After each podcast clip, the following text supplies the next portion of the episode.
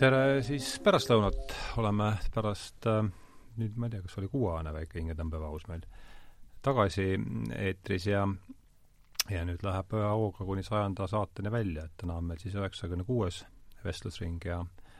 taas äh, suur rõõm tervitada kahte külalist. tere tulemast, Toomas Jürgenstein! tere! teist korda, eks? tõsi, teist korda. jah, et äh, vaatasin järjele, järgi, et äh, Toomas Pauliga olid teises äh,, teises äh, jutuajamises. kaks Toomast olid kokku sattunud, jah. ja rääkisime minu teada Kolakovski sellest äh, naeruväärsed Jeesusest vist, mis oli just välja tulnud, kui ma õigesti mäletan. oli, oli nii, on ju? jah, ja selles mõttes on ähm, see tähenduslik, et äh,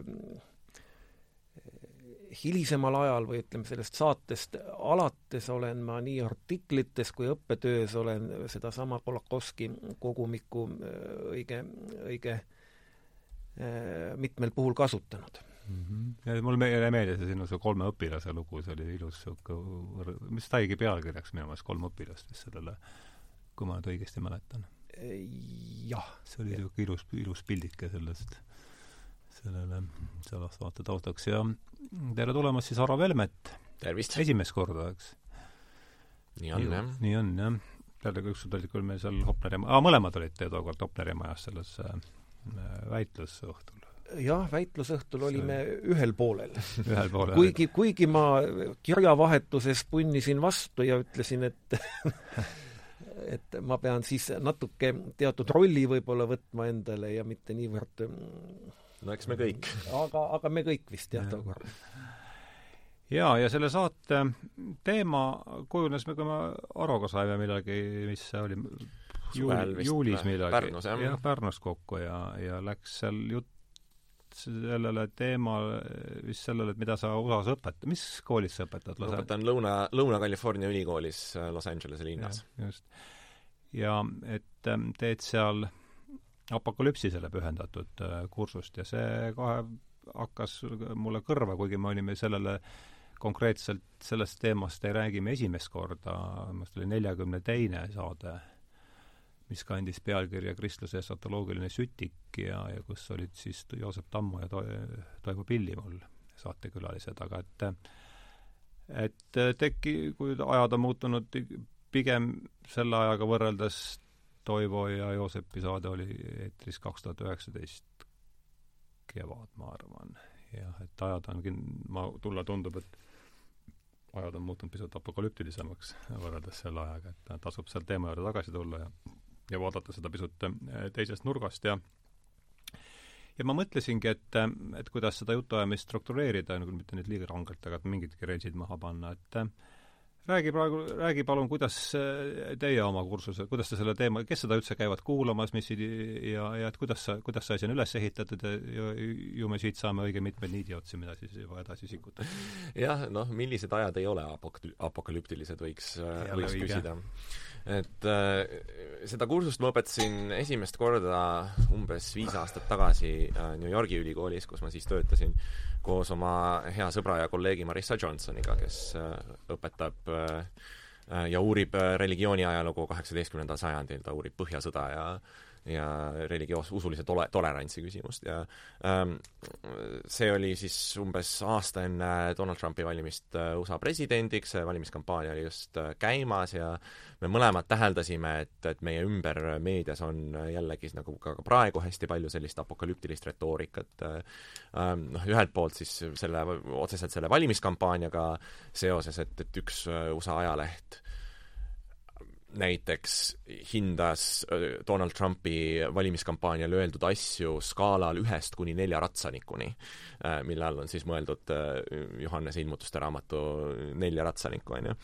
Ähm, et kui suure tõenäosusega see, mida Trump ütles, toob kaasa maailma lõpu. et see on nagu üks näide ja siis teisalt jällegi populaarkultuuris tundus samamoodi, et on, on mingisugune aeg maailmalõpuliste teoste jaoks, et et igasuguste filmide jaoks, mis leiavad aset kuskil postapokalüptilises äh, maailmas, kus inimkond on hävinud, kus on olnud mingisugune suur kataklüsm, kas siis äh, kliimamuutused on äh,, on maailma nä-, nägu täielikult transformeerunud või on kuskilt mingi äh, haigus või katk või mingi komeet tulnud, mis on kõik pahupidi pööranud. Ja siis meid hakkas huvitama, et, et et kust see tuleb ja, ja, ja miks see noh, ühtlasi meile tundus, et see, see vorm, kuidas neid lugusid jutustatakse, on, on silmatorkavalt ühetaoline mm -hmm. või, või korduv. matriits on olnud nagu. ja, ja, ja täpselt. et et kust see, kust see muster tuleb, miks see äh, nii palju tundub inimesi kõnetavat ja, ja meile tundus, et, et meil mõlemil on äh, olemas nagu piisavalt eraldi ekspertiis, et äh,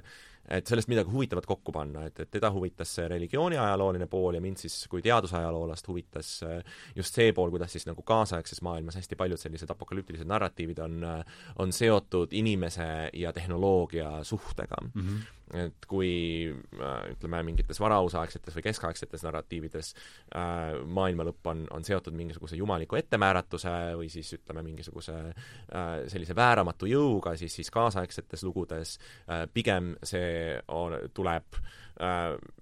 inimeste enda tegevusest, äh, sellisest huubrisest, eks ju, muidugi mhm. võib öelda, et ega tegelikult ka nendes varasemates lugudes see äh, muster on, on mõnevõrra sarnane, nii et, et siis me panime selle kursuse kokku, me siis te töötasitegi nulli, enne just, saan ma nüüd õigesti aru, et Trumpi valimis või Trumpi valimiste ajal tööd panite, panite selle kursuse kokku, see ei olnud mingi asi, mis oli seal juba pikalt tiksunud? jaa, ei, see tuli üsna sel hetkel, et meile tundus, et mm -hmm. sellise kursuse jaoks on nagu aeg Küps. õige, aga mm, -hmm. aga loomulikult sellest, sellest teemast on ajaloolased väga palju kirjutanud, eks ju. et, et ega me seda päris, me ei hakanud jalgratast leiutama. ei no muidugi, aga kursust kui sellist aga kursust kui sellist jah, me, me panime siis kokku ja see, sealt, sealt edasi mina läksin selle kursusega Lõuna-California ülikooli, Marisha läks Cornelli ülikooli ja siis me õpetasime seda eraldi edasi ja, ja mõlemad kogesime, et mida, mida aeg edasi, seda populaarsemaks see, see kursus läks. et et ja mis, mis mõnevõrra oli üllatav, sest et me tegelikult alustame seda suhteliselt sellistest äh, esoteerilis-, noh, ütleme nagu äh, Ameerika selliste äh, rannikulinnade liberaalsete tudengite jaoks võrdlemisi esoteerilistest teemadest nagu äh, ütleme, mingite piibliraamatute lugemine, selline kümnenda sajandi äh, milleniaalsete kultuste uurimine ja, ja sellised küsimused, noh, sellised asjad, mille puhul tudengil võib põhjendatult tekkida küsimus, et, et miks kurat ma pean seda kõike lugema, miks ma pean mingeid äh, Azo de, de Montiardieri äh, tekste lugema üheksandast sajandist äh,. aga see tundus inimesi köitvat ja nii et nii, nii me oleme sellega edasi läinud mm. -hmm. sina ja Apokalüpsis jah, ma möönan, et nii lähedast suhet mul ei ole aga, aga Aro jutu ajal ma mõtlesin ja,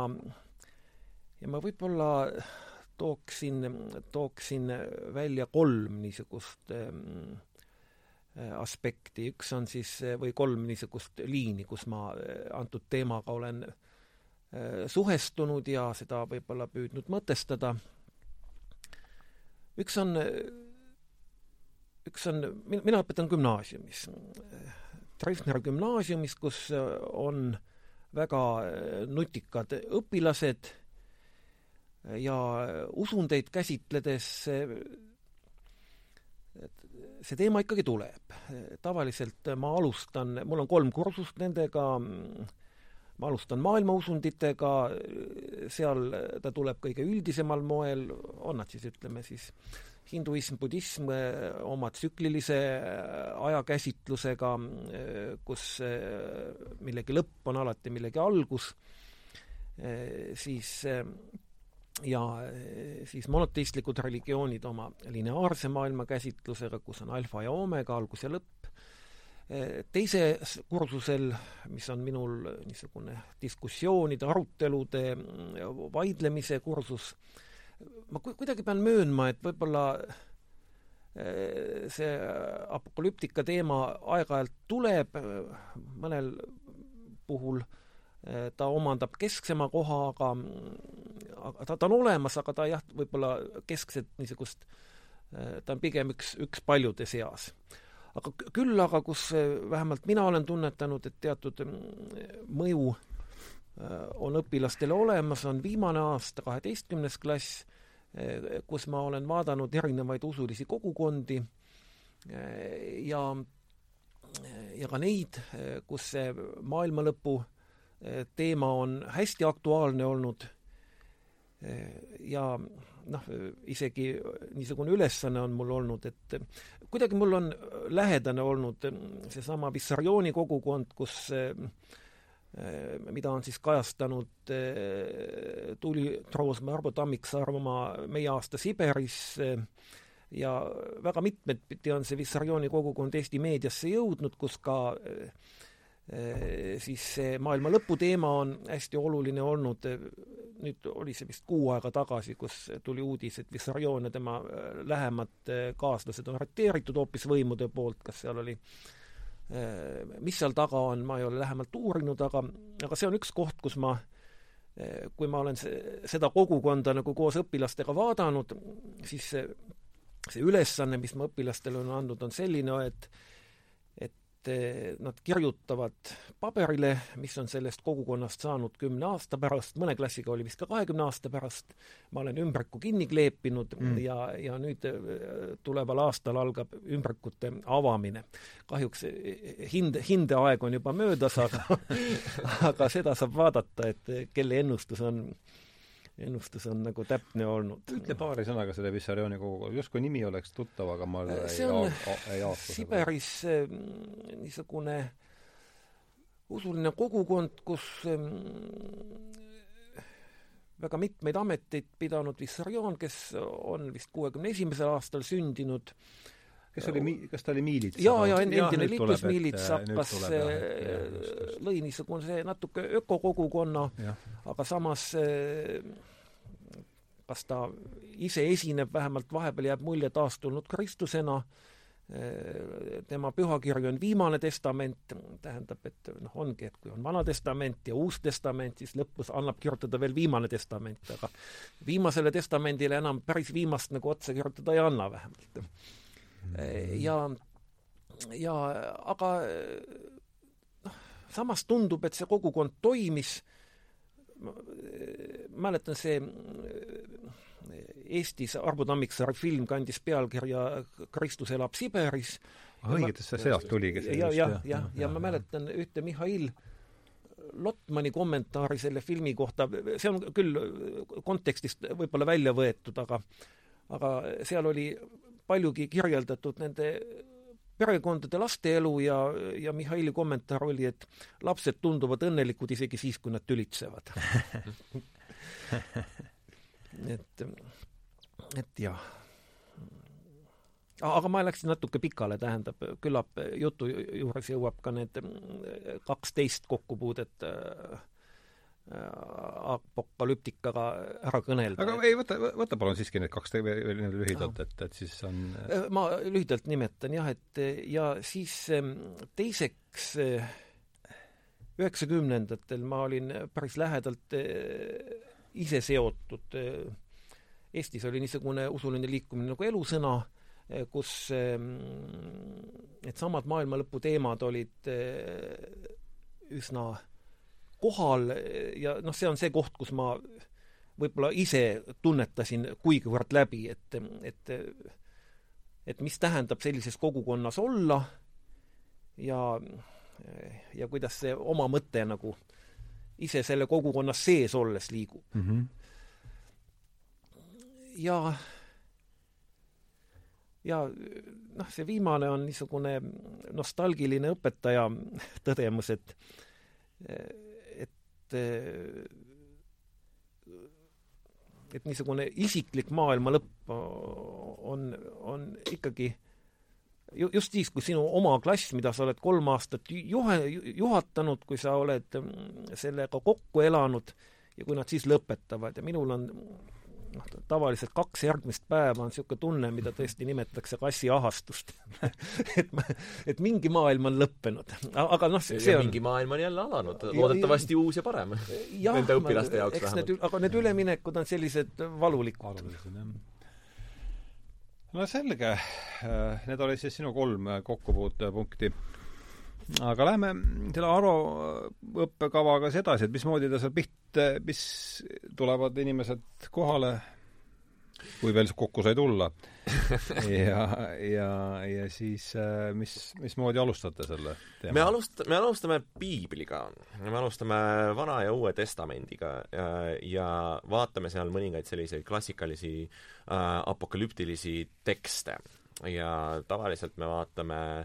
siis Vanast Testamendist äh, Jesaja esimest raamatut, Taanieli raamatut ja siis Uuest äh, Testamendist äh, Johannese ilmutuste raamatut ja mm -hmm. äh, küllaltki erinevad tekstid, aga neil on äh, mi-, teatavad äh, ühisjooned, mis äh, eristavad neid ülejäänud piiblitekstidest päris tugevalt, et ja millest üks näiteks hästi oluline on see, et äh, need kõik kolm on väga otseselt poliitilised tekstid, et, et piiblis on väga erinevaid tekste, eks ju, noh, Moosese esimene raamat, eks ju, on selline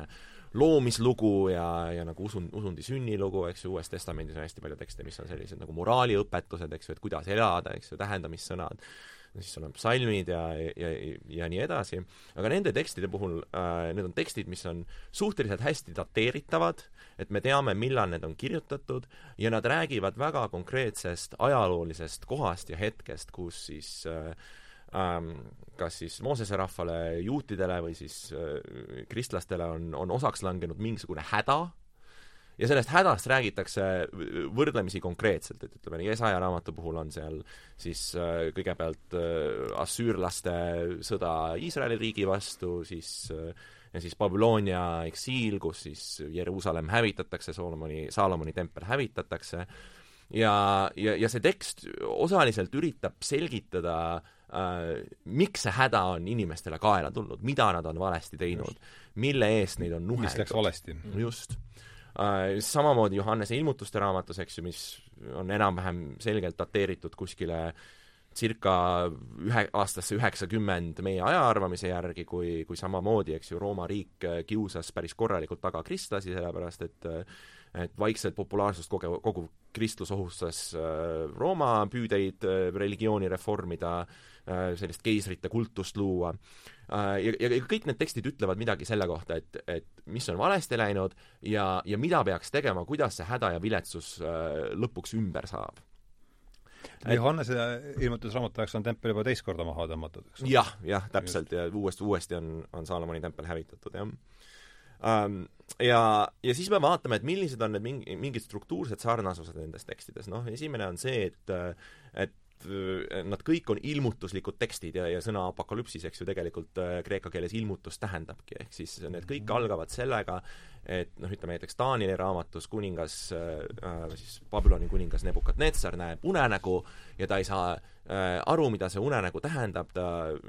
laseb kõikidel kohalikel tarkadel seda seletada, keegi ei oska, siis ta tahab lasta nad kõik maha tappa ja siis tuleb äh, juut Daniel ja ütleb, et, et mina olen näinud, mida see, mida sinu unenägu tähendab, mina suudan selle ära seletada. et see, äh, ühesõnaga see, see lugu on sellest, kuidas ähm, maailma tegelik tähendus on varjatud ja selle varjatud tähendu-, selle tegeliku tähenduse seletamine vajab mingisugust ilmutust, vajab mingisugust prohvetit. siis ütleme, Daniel on see prohvet, siis ilmutuste raamatus on, on Patmose äh, Johannes on see prohvet äh,, Jesaja raamatus Jesaja on see prohvet, kes siis, kes siis seletab, et mis siis on juhtunud. Noh, siis äh, Daniel seal räägib, et vaata, et kuningas Nebukadnetsar, sa nägid äh, äh, unes kuju, mis eks ju, koosnes viiest osast, pea oli tehtud kullast, keha oli tehtud hõbedast, siis torso oli tehtud pronksist, siis tulid rauast jalad ja siis lõpuks sellisest rauasavisegust siis nagu sääred ja, ja, ja, ja jalalabad. Ja siis äkitselt kukkus üks kivi vastu neid savijalgu ja kogu see suur ehitis vajus kokku ja vaata, see on nüüd sinu kuningriik, mis elab läbi sellised viis ajajärku äh,, muutub järjest kurjemaks, aga järjest tugevamaks, kuni siis lõpuks äh, ta variseb sellises muutuste hetkes kokku ja, ja, ja ja selle, ja selle asemel sellest kivist kasvab selline hiiglaslik mägi, mis siis kestab igavesti. Ja see, see, see, see on siis selle loo äh, teine pool äh,, mis on siis, et see lugu tegelikult räägib sellest, kuidas äh, selle kannatuse ja, ja äh, rõhumise järel tuleb midagi uut ja head, tuleb äh, tõeline jumalariik. ja mis on selle loo juures hästi oluline, on see, et, et, et, et see ei ole kuidagi metafoor, eks ju, siin ei ole mõeldud, et, et see Jumala riik tuleb kuidagi sinu südames või või, või mingisuguses teispoolsuses, vaid ei, see tuleb konkreetselt, see asendab selle äh, Babyloni või, või siis Johannese ilmutuste raamatu puhul, see asendab selle Rooma äh,, selle, selle rõhuva riigi, see juhtub maa peal, see on, see on konkreetne koht äh,. Ja, ja see on midagi päris äh, eripärast, sest et kui suur osa äh, Äh, kristlikust õpetusest keskendub just, just nimelt sellele teispoolsusele või siis oma nagu hingehoidmisele, siis need tekstid keskenduvad poliitikale, sellele, kuidas ühiselu muuta mm -hmm. teistsuguseks. Äh, ja, ja see on asi, mis on äh, inspireerinud sajandite jooksul väga palju inimesi siis nii-öelda looma seda teistsugust ühiskonda. Ja see, sellepärast minu meelest see, see Vissarioni koguduse näide on ka hästi hea, et, et äh, ta tabab seda või näitlikustab väga hästi seda apokalüptilise äh, loo võlu, mis, mis ongi just selles, mit-, mitte niivõrd selles, et maailm saab otsa, vaid selles, et äh, see annab meile võimaluse radikaalseks muutuseks, mingisuguse radikaalselt teistsuguse ühiskonna ülesehitamiseks. kui me tabame ära need õiged märgid, kui me saame selle õige ilmutuse, kui me leiame selle õige õpetuse, mida täpselt tuleb teha. ja et, et see ei juhtu mitte kuskil mujal, vaid see juhtub konkreetselt meie eluajal inimeste omavahelistes suhetes maa peal mm. -hmm. Oh, mis mõtteid see, kolm raamatut siis, Jesaja, Daniel ja, ja Johannes, et kuidas sul nende, mis sul äh, nendega haakub jah, ei äh, haakuvad äh, väga, vägagi analoogilised asjad. et ühelt poolt tõepoolest poliitilised, poliitiline konkreetne olukord, ähm, on ta siis Assüüria või, või Rooma impeerium, mis siis vastava teksti kirjutajaid trõhub, põhjustab teatavaid kannatusi, siis väga uhkelt maalitud tulevane riik on siis see kuldne Jeruusalemm, siin kusjuures, ja samas ikkagi ta võrsub Äh, omaaegsest, omaaegsest taustast, selles mõttes, et ristiusk oli pigem linnarahva usk ja järelikult see pilt pidi olema just nimelt kuldsest linnast, mitte haljastest aasadest, mm, mis oleks võib-olla enam äh, mõjutanud mm, maainimest. Äh, ja needsamad püüdlused, mida ajaloos me näeme küll väiksemates kogukondades, aga ka suuremates kogukondades, üles ehitada sedasama uutel alustel ühiskonda, mis sageli, kui noh, mis võivad osutuda ka väga ohtlikeks, kui, kui sellega kaasneb niisugune suletus ja ja, ja, ja, ja suletuses ka need küsimused, et kui, kui siis ikka teatud asi ei edene, noh siis tundub, et ikkagi see maine ülesehitamine ei õnnestu, võib-olla tulebki pöörduda kuhugi teispoolsusesse ja seal uuesti proovida noh, või siis ei õnnestu sellepärast, et kuskil on mingid korruptandid, kes tuleb välja juurida. tuleb vaenlaste otsimine, kõik see on, kõik see tuleb hästi tuttav ja hästi mitmel kujul on ta ju ajaloos esinenud ja küllap ta esineb ka tänasel päeval. ja, ja siis ikkagi ma natuke rõhutan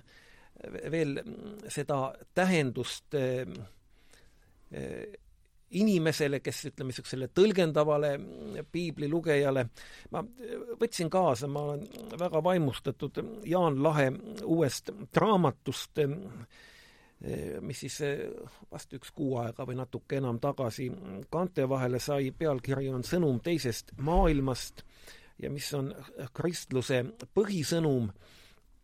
Ja oma raamatu lõpus Jaan võtab kahekümne kahes punktis kokku, et mis tema arvates see ristiusu põhisõnum on ja esatoloogia või siis ka apokalüptika kohta ta ütleb, et ja, ja just nimelt inimese kohta, kes niimoodi tema moodi kriitiliselt ja tõlgendavalt seda pühakirja loeb, esatoloogia ehk õpetus viimsetest asjadest ütleb mütoloogilises keeles, et inimene pole veel oma eesmärki saavutanud, et ta pole veel valmis, et ta on alles teel oma eesmärgi poole ja, ja ja tegelikult, kui need kaks asja kokku panna, see kuldne eesmärk ja, ja see inimese enese ülesehitamine, siis, siis jah, kui see individuaalne Jaani poolt edastatud esatoloogia mõte nagu lisada sellele noh, võib-olla natuke otsesele sõnumile uuest maast ja uuest linnast, siis nii, siis võiks ta tõepoolest inimesele mõjutada väga niisuguse edasiviiva ja tõepoolest, et ta suudab radikaalselt uueneda, ta suudab uueneda nagu pidevalt, ta ei jää kuhugi nagu kinni, aga kui jääb niisugune automaatne uue suhteliselt automaatne uue ühiskonna ülesehitamine, siis ma kardan, mida Karo nagu ka millele viitas, et see võib ikkagi päris ohtlik olla. no sealt tuleb kogu see miljonäristlike sektide, eks ja, ole, seal on see ideoloogiline kasvupinnas nendele, saan ma õigesti aru sellest? jah, noh, mitte ainult, seda võib äh, leida päris erinevatest kohtadest, et ma, ma haaraks kinni just äh, äh sellest fraasist äh, mütoloogiline sõnastus Äh, mida Toomas siin mainis, et äh, et üks asi, äh, millest me tudengitega räägime, on see, et, et, et eriti kui sa loed Johannese ilmutuste raamatut, siis see on, see on väga kujutlusvõimet käivitav mm -hmm. tekst. see mm, -hmm. väga paljud on mulle öelnud, et see mõjub nagu mingi narkotripp. et need, need kujundid on tõesti hästi visuaalsed, hästi sellised struktureeritud, eks ju, seal on hästi palju sellist numeroloogiat, eks ju, et et seitse äh, Äh, seitse pitserit, seitse trompetit, äh, siis äh, erinevate peade hulgaga koletised ja draakonid ja Goog ja Magog ja, ja, ja nii edasi, eks ju. Ähm, et see, see kõik on hästi selline noh, mõjub nagu korralik action-film Äh, ja samas on mõnevõrra ebaselge, mida see, mida see kõik tähendab. ja kui me mõtleme selle teksti loomishetkele äh, üheksakümnendal aastal äh, meie ajaarvamise järgi, siis see on suhteliselt loogiline, sellepärast et sa pidid kirjutama selle teksti niimoodi, et nii-öelda Rooma tsensorid sellest ei saaks mm -hmm, kinni hakata.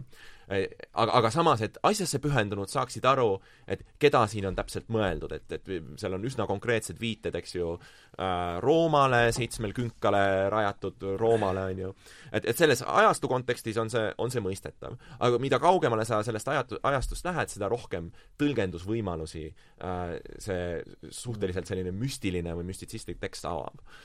ja, ja seetõttu on seda ka väga erinevalt tõlgendatud, et, et erinevatel ajahetkedel on äh, üritatud selles äh, äh, tekstis, eks ju, selle äh,, selle kurja draakonina näha äh,, draakonina või siis äh, valeprohvetina näha erinevaid äh, inimesi ja erinevaid kohti. Äh,, ja, ja see juba kõik sõltub sellest, et, et mis ajastuga meil tegu on, mis äh, parasjagu põletavad äh,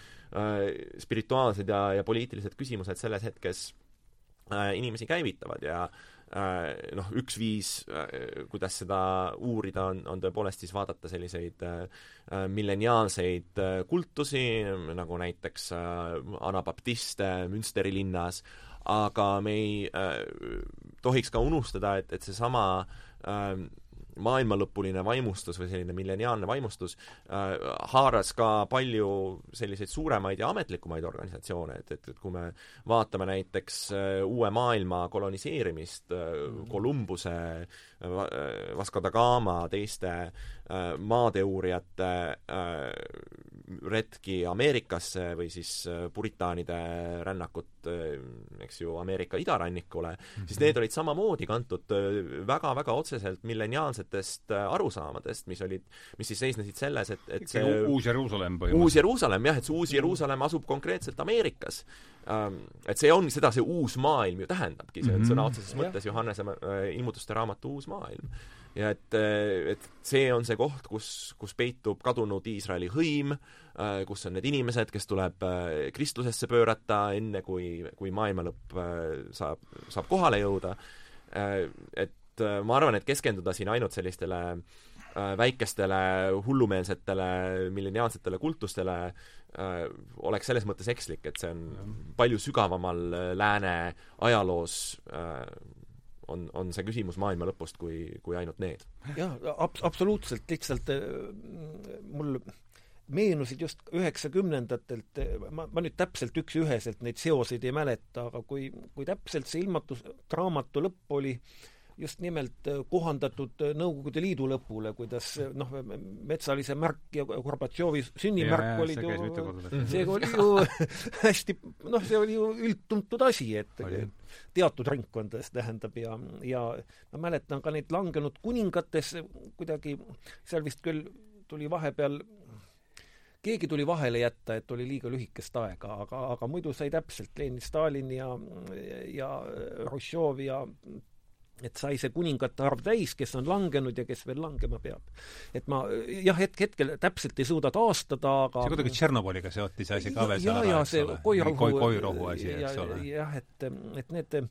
et need süsteemid tekivad jah, ja, ja, ja ja tõenäoliselt, vähemalt ma arvan, et küllap,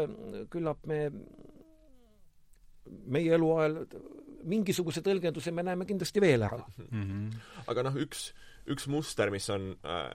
küllaltki äh, stabiilne nende, nende tõlgenduste osas, on, on see, et, et üldiselt ikkagi need apokalüptilised lood sobivad rohkem rühmitustele ja organisatsioonidele, kellel on mingisugune ambitsioon midagi muuta. et mida konservatiivsemaks või mida selliseks stabiilsemaks need organisatsioonid muutuvad, seda äh, vähem neile sellised öö, äh, otsesed meie maailmas saabuva öö, radikaalse muutuse lood sobivad, sest et noh, kui sina oled see, keda radikaalselt muudetakse, siis, siis võib-olla sa ei taha nagu seda äh, apokalüptilist tunnetust oma äh,, oma kogukonda väga süstida, et äh,, et noh, näiteks ütleme, äh, Rooma katoliku kiriku puhul, eks ju äh,, suure osa ajast see äh, Johannese ilmutuste raamatu tõlgendus on olnud ikkagi augustiinlik äh,, kus äh, see on, tema on nüüd oluline pööre kogu selles asjas, ma kujutan ette, eks ole. jaa, jaa, absoluutselt. John Gray ütleb, see on mulle jäänud väga meelde, et et, et Augustinus keerab maha selle esatoloogilise sütiku, et,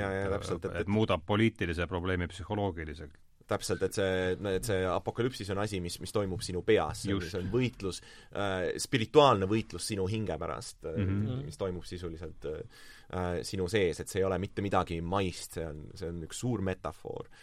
ähm,. ja noh, mis ka seletab, miks äh, äh, see hetk, kus hästi palju selliseid milleniaalseid äh, liikumisi toimub, on just äh,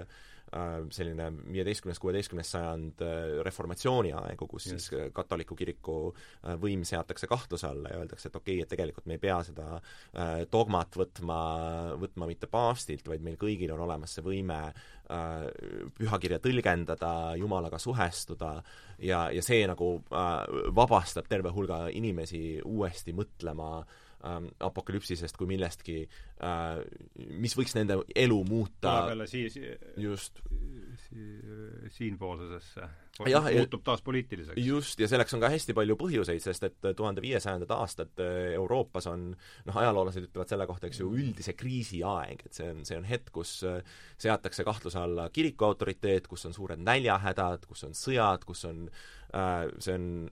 lühikese jääaja algusaeg, tänu millele Euroopas on hästi palju näljahädasid, ühesõnaga äh, noh, mu-, äh, mustsurm, eks ju, on olnud äsja Euroopa minevikus et, et see küsimus, et maailm on muutumas, me, me kõik näeme, et see on muutumas, need äh, Saksamaa talupojad, äh, kellest saab siis, kellest saavad siis kas anabaptistid või, või kes iganes, nad näevad, et see maailm on muutumas, need, need õppetunnid, mida nad on kirikult saanud või oma vanaisadelt saanud, need enam ei tööta. Et, et, et ka selles mõttes see kontekst on, on laotud selleks, et äh, need apokalüptilised meeleolud saaksid tagasi tulla poliitilisena Mhm. jah, ei, nii on, et ma hästi ühinen komplimentidega Augustinusele, kes kes avas tõepoolest noh, niisuguse apokalüptika inimeses endas või inimese enda mhm. sees. ja ja mis on jah, käib reformatsiooni ja aja kohta noh, veel hiljem, veel kolmekümne aastase sõja ajal äh, kus noh, vahepeal on tõesti ju nii segi, et keegi ei saa väga aru, kes kellega sõdib ja, ja ja, ja, ja loomulikult, see on, see on pinnas ja, ja kui noh, ja veel kui tagasi tulla selle kaheksakümnendate lõpu, üheksakümnendate alguse juurde, siis noh, eks samasugune pinnas oli ka tol ajal, kui Nõukogude Liit trõbenes igast õmblusest, mul, mulle ikkagi alati üks asi, mida ma ka õpilastega analüüsin, on see vist umbes üheksakümnendast aastast see Priit Pärna kuulus karikatuur Sitta kah mm, -hmm. kuidas sirbi tagakülje. sirbi, ja jah, et kuidas on näha, et vanker, vanker on vana ja, ja hobune on peaaegu kokku kukkumas. aga, aga, aga üks mees, kellel on pea on väike, aju tundub väike olevat, aga muskel on veel suur või ta on natuke ettearvamatu, viskab selle hargiga, selle Eesti kontuuriga sõnniku lahmaka ja et sitta kah ja et, et, et, et, et seesama noh, ja, ja to, tollel ajal ma kujutan ette, et kuna ma niisuguse võib-olla vähem tõlgendava religiooniga seotud olin, siis minu jaoks oli seesama sõnniku lahmakas väljendus seesama kuldne Jeruusalemm, seesama Eesti, mida me hakkame üles ehitama mm. -hmm. Mm -hmm. aga ühesõnaga siis Kristus, võtan siis jõudumööda kokku, mis ma siiani olen kuulnud, et Kristus hakkab pihta meil, eks, apokalüptilise äh, selgelt religioonina ja, ja sedamööda, kui ta siis ühel hetkel jõuab äh, Augustinuse ajaks on ta juba ju äh, riigiusund, eks ja tekib vajadus tõepoolest see sütik, äh, apokalüptiline sütik äh, maha, maha keerata, et et kas võiks öelda, et Augustinus on järg-, tee, ütleme pärast ähm, pärast Kristust selline teine suur, suur teetähis selle, selles loos või, või on see liiga lihtsalt, noh, niikuinii on liiga lihtsustatud, aga, aga mis sa sinna juurde paneksid? no eks neid on varem ka, eks ju, Origenes vist on ja, Origenes, esimene selline äh, Äh, amillenaarne apokalüpsise tõlgendaja, jah mm. -hmm aga, aga Origenes on umbes mis aastat tal on, ma ei tule? jumal, mingi kakssada, kolmsada äh, ja jah, teine-kolmas sajand, aga nüüd täpselt ma jään ka mm -hmm. las ta selles perioodil, ärme takerdu sellesse. jah. aga noh, Augustinos on muidugi see, millest saab selline katoliku dogma oma, oma baasi, selline neoplatooniline äh, vaade kristlusele laiemalt ja siis äh, apokalüptilisusele ka, aga noh, siis äh, ütleme, et see järgmine suur murdepunkt äh,, kus siis need apokalüptilised tõlgendused liiguvadki suuresti nagu kaheks, ongi siis see äh, tuhande viiesajandad, äh, kus siis äh, üks suund, kus ta läheb või võiks siis öelda, on selline nagu horisontaalne või, või egalitaarne äh, millenialism, mida siis kehastavad just sellised äh, äh, radikaalsed protestandid nagu äh, anabaptistid või siis ütleme, Inglismaal on neid äh, terve hulk, eks ju, diggereid ja levelereid ja mm -hmm. ja, ja kes nad kõik on äh,, kelle jaoks see äh, uus riik tähendab just sellist radikaalset hierarhiate lammutamist, nii-öelda maailm pööratud pea peale, kus äh, kus siis vanker läheb enne hobust, isandad tehakse sulasteks, suland-, sulased tehakse isandateks, ütleme, et mõned ajaloolased on seda tõlgendanud kui sellist nagu protokommunistlikku liikumist, mis noh, minu meelest on natukene anakronistlik, aga, aga teatavad paralleelid seal on, eks ju. ja siis see teine teine suur suund ähm, on siis äh, seotud uue maailma äh, koloniseerimisega äh,. Ja üks asi, mida noh, tasub meeles pidada, on, et, et kogu nagu geograafia mõtestamine sellel ajal, niimoodi hiliskeskaegsel, varauusaegsel renessansi ajal on, on äh, sellisest äh, tähenduslikust spirituaalsest dimensioonist äh, väga põhjalikult läbi põimitud, et see, kus asjad asuvad, see omab suurt religioosset tähendust, et kui sa vaatad näiteks äh, maailmakaarte, keskaegseid maailmakaarte, eks ju, siis, siis seal on väga selged geograafilised dimensioonid. Jeruusalemm asub idas siis äh,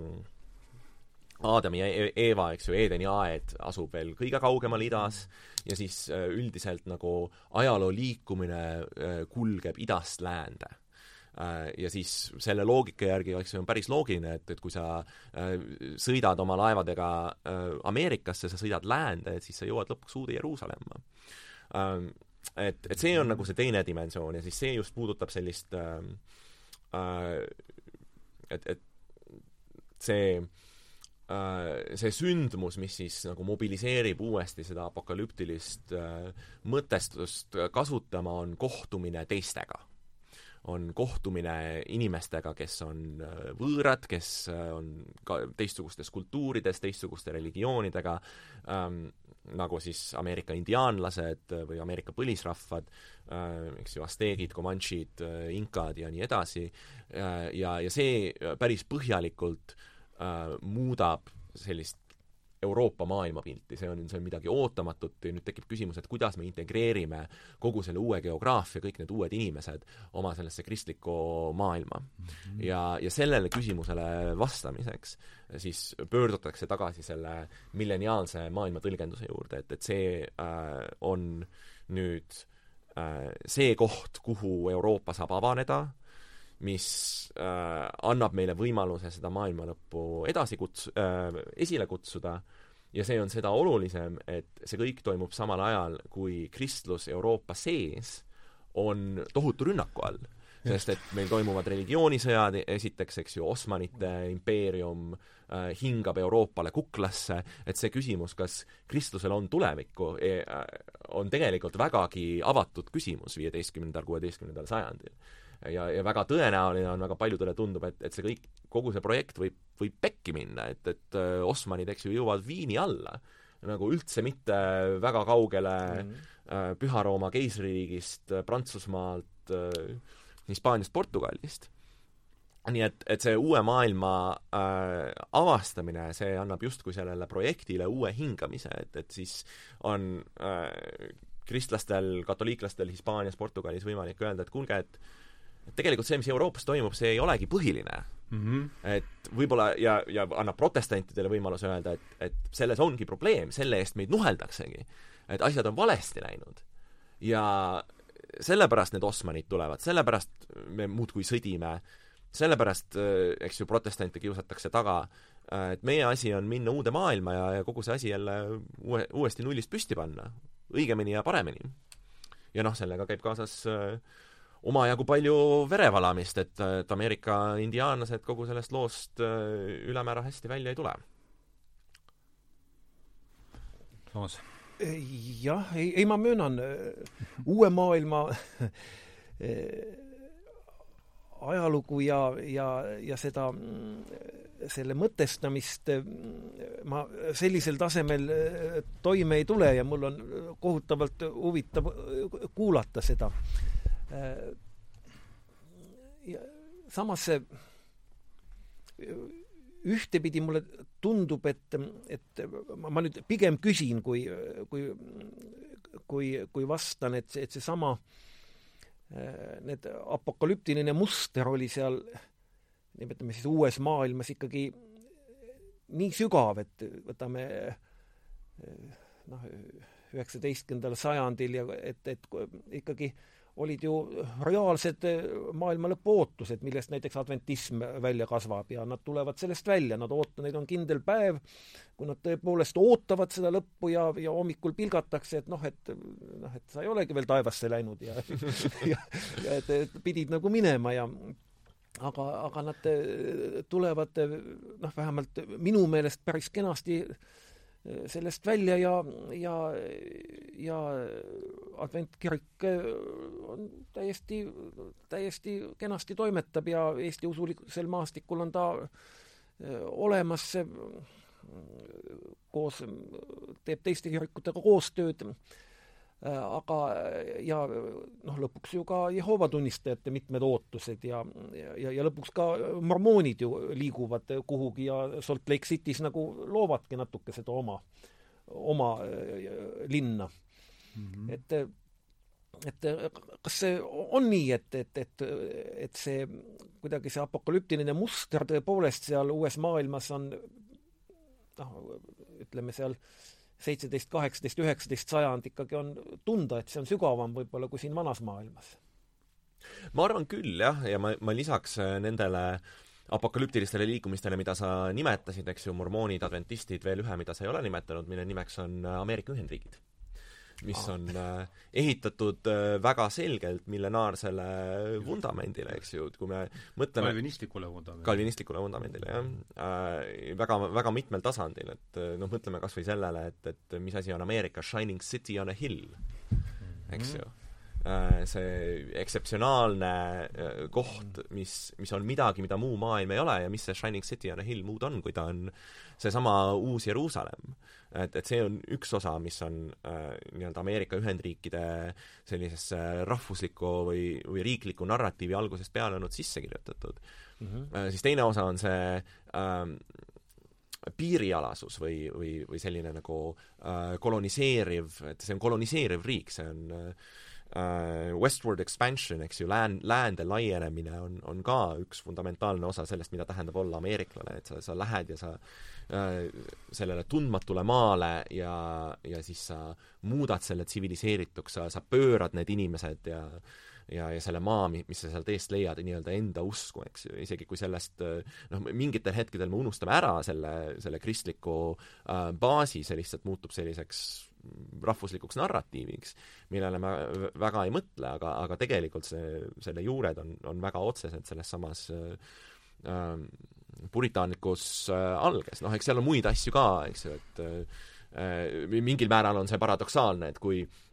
ütleme äh,, Patmose Johannes äh,, tema jaoks oli see, see suur kuri, see nii-öelda antikristus oli, oli Rooma riik, eks ju, siis äh, Ameerika Ühendriikide jaoks jällegi Rooma on suur eeskuju äh,, mida siis tahetakse tagasi tuua, et see on see klassikaline maailm, kus siis nagu seal on ka kaks hoovust, ühelt pool on see egalitaarne kalvinistlik katel, katel äh, köeb, eks, ja teisest küljest jällegi soov äh, noh, anda asjale struktuuri ja et saaks elada oma elu ja mm -hmm ja harida põldu ja, ja kõike seda, eks, et see no ja ka ühtlasi see äh, imperiaalne pool. see imperiaalne ka... pool ka veel ja muidugi jah, see Rooma pool on see, selles ja, ja, ja aga mis on, mis on ka, eks ju, kristlikus apokalüptilises mõtlemises olemas, et see mm -hmm. äh, see konverteerimise äh, osa, see, et tegemist on universaalse religiooniga äh,, noh, mida judaismis niivõrd ei ole, eks ju, judaismis sul on see välja valitud rahvas juudid, aga, aga Kristus on, on väga selgelt, et, et selle asja mõte on, et et kõik peaksid leidma selle Jumala. kui palju te sellel oma kursusel Inglise kodusõjaga tegelete, et äh, mul on oma põhjus selle, ma pärast võin, et palju, palju, üldse või meil on siin, mis meil siin on, peate hakkab tund aega vist juba saama et võiks, no meil ongi, eks peamised teetähised Kristus, Augustinus, nüüd me oleme jõudnud sisuliselt, me tiirleme siin reformatsiooni ümber, eks, et mm -hmm reformatsiooni ja, ja uue maailma koloniseerimise. just, noh, see jah, et ähm, palju sa selle, palju ütleme, pro-, noh, niimoodi sellel kursusel sellele teemale aega pühendate? Äh, pühendame küll, jah, meil on seal üks, äh, üks sessioon, kus me siis räägime, natukene räägime Münsteri anabaptistidest ja siis natukene räägime Inglise kodusõjast Aha. Äh, ja, ja nendest sellistest radikaalsetest protestantidest ja noh, suuresti selles samas nagu poliitilise segaduse kontekstis, et ja, ja siis sellise nagu saabuva valgustusajastu seletamise kontekstis, et, et me oleme jõudnud sellisesse kohta, kus Euroopat valdab autoriteedikriis, eks ju, et et need teetähised, mille järgi sul oli võimalik oma elu seada sajandeid, eks ju, mis olid põhimõtteliselt esiteks äh, Äh, kirikuõpetus, õigemini konkreetselt katoliku kirikuõpetus, siis teiseks muud polnud ju? muud polnud, jah. Äh, ja mis sageli tähendas seda, mida iganes sinu kohalik äh, koguduse äh, isa rääkis äh,, sest et äh, keegi ju ise ladina keelt ei lugenud äh,, siis teiseks kuninga äh,, kuningavõim ja siis kolmandaks äh, antiikajastu õpetlaste Aristotelese, Platoni ja nii edasi äh, mille Aquino oli, eks ole, integreerinud ja. siis tolleks ajaks kristlusesse uh,. just, täpselt. ja uh, ja kõik need kolm autoriteedi äh, allikat on äh, Inglise kodusõjas kahtluse alla seatud, eks ju äh,. kuningas mm, -hmm. tal on pea maha maetud äh,, antiiksed autoriteedid, meil on tulnud esimesed äh, õpetlased, kes leiavad, et võib-olla maailma empiiriline äh, jälgimine või siis mõistuse ratsionaalne kasutamine, loogika kasutamine on, on paremad teetähised ja noh, Kristusega on ka nii, nagu on, eks ju, et äh, reformatsioon on kogu selle äh, asja pea peale pööranud. ja, ja ühelt poolt see on, eks ju, tohutu äh, noh, ütleme Lotmani terminit kasutades selline kultuurilise plahvatuse hetk, et see, see tõesti nagu vabastab hästi palju äh, mõtet ja, ja kujutlusvõimet ja ta vabastab eriti nagu ähm, seda osa rahvast äh,, keda siis võib nimetada selliseks äh, Äh, massiks või nagu populaar, äh, populaarseteks klassideks, äh, vähem haritud, vähem eliidi klassideks. Ähm, et ühelt poolt ta nagu vabastab seda mõtet ja siis teiselt poolt ta jällegi loob aluse tohututeks veristeks konfliktideks ja mis, mistõttu üks nendest kesksetest küsimustest, millega kodusõjaaegne Inglismaa tegeleb, on, on seesama küsimus, et, et, et kuidas me sellele asjale kaane tagasi peale paneme, et, et, et kuidas me Äh, mingisuguse autoriteedi uuesti tekitamine, mille järgi inimesed vähemalt ei tapa üksteist maha. Ja, ja, ja see on see hetk, eks ju, tegelikult, kust me siin me hakkame rääkima, jõuame tasapisi moodsa teaduse sünnini ju. mitte ainult moodsa teaduse, vaid ka moodsa riigi sünnini, eks ju, sealt me jõuame tegelikult on... Thomas Hobbesini. Äh, et äh, praktiliselt iga osa meie kaasaegsest maailmast, mida me võtame suhteliselt enesestmõistetavana, on sealt pärit jah, sünni, sünnib sellest probleemistikust tõsi ah., jah, jah, ei ma olen kuidagi saanud äh, takkakiitja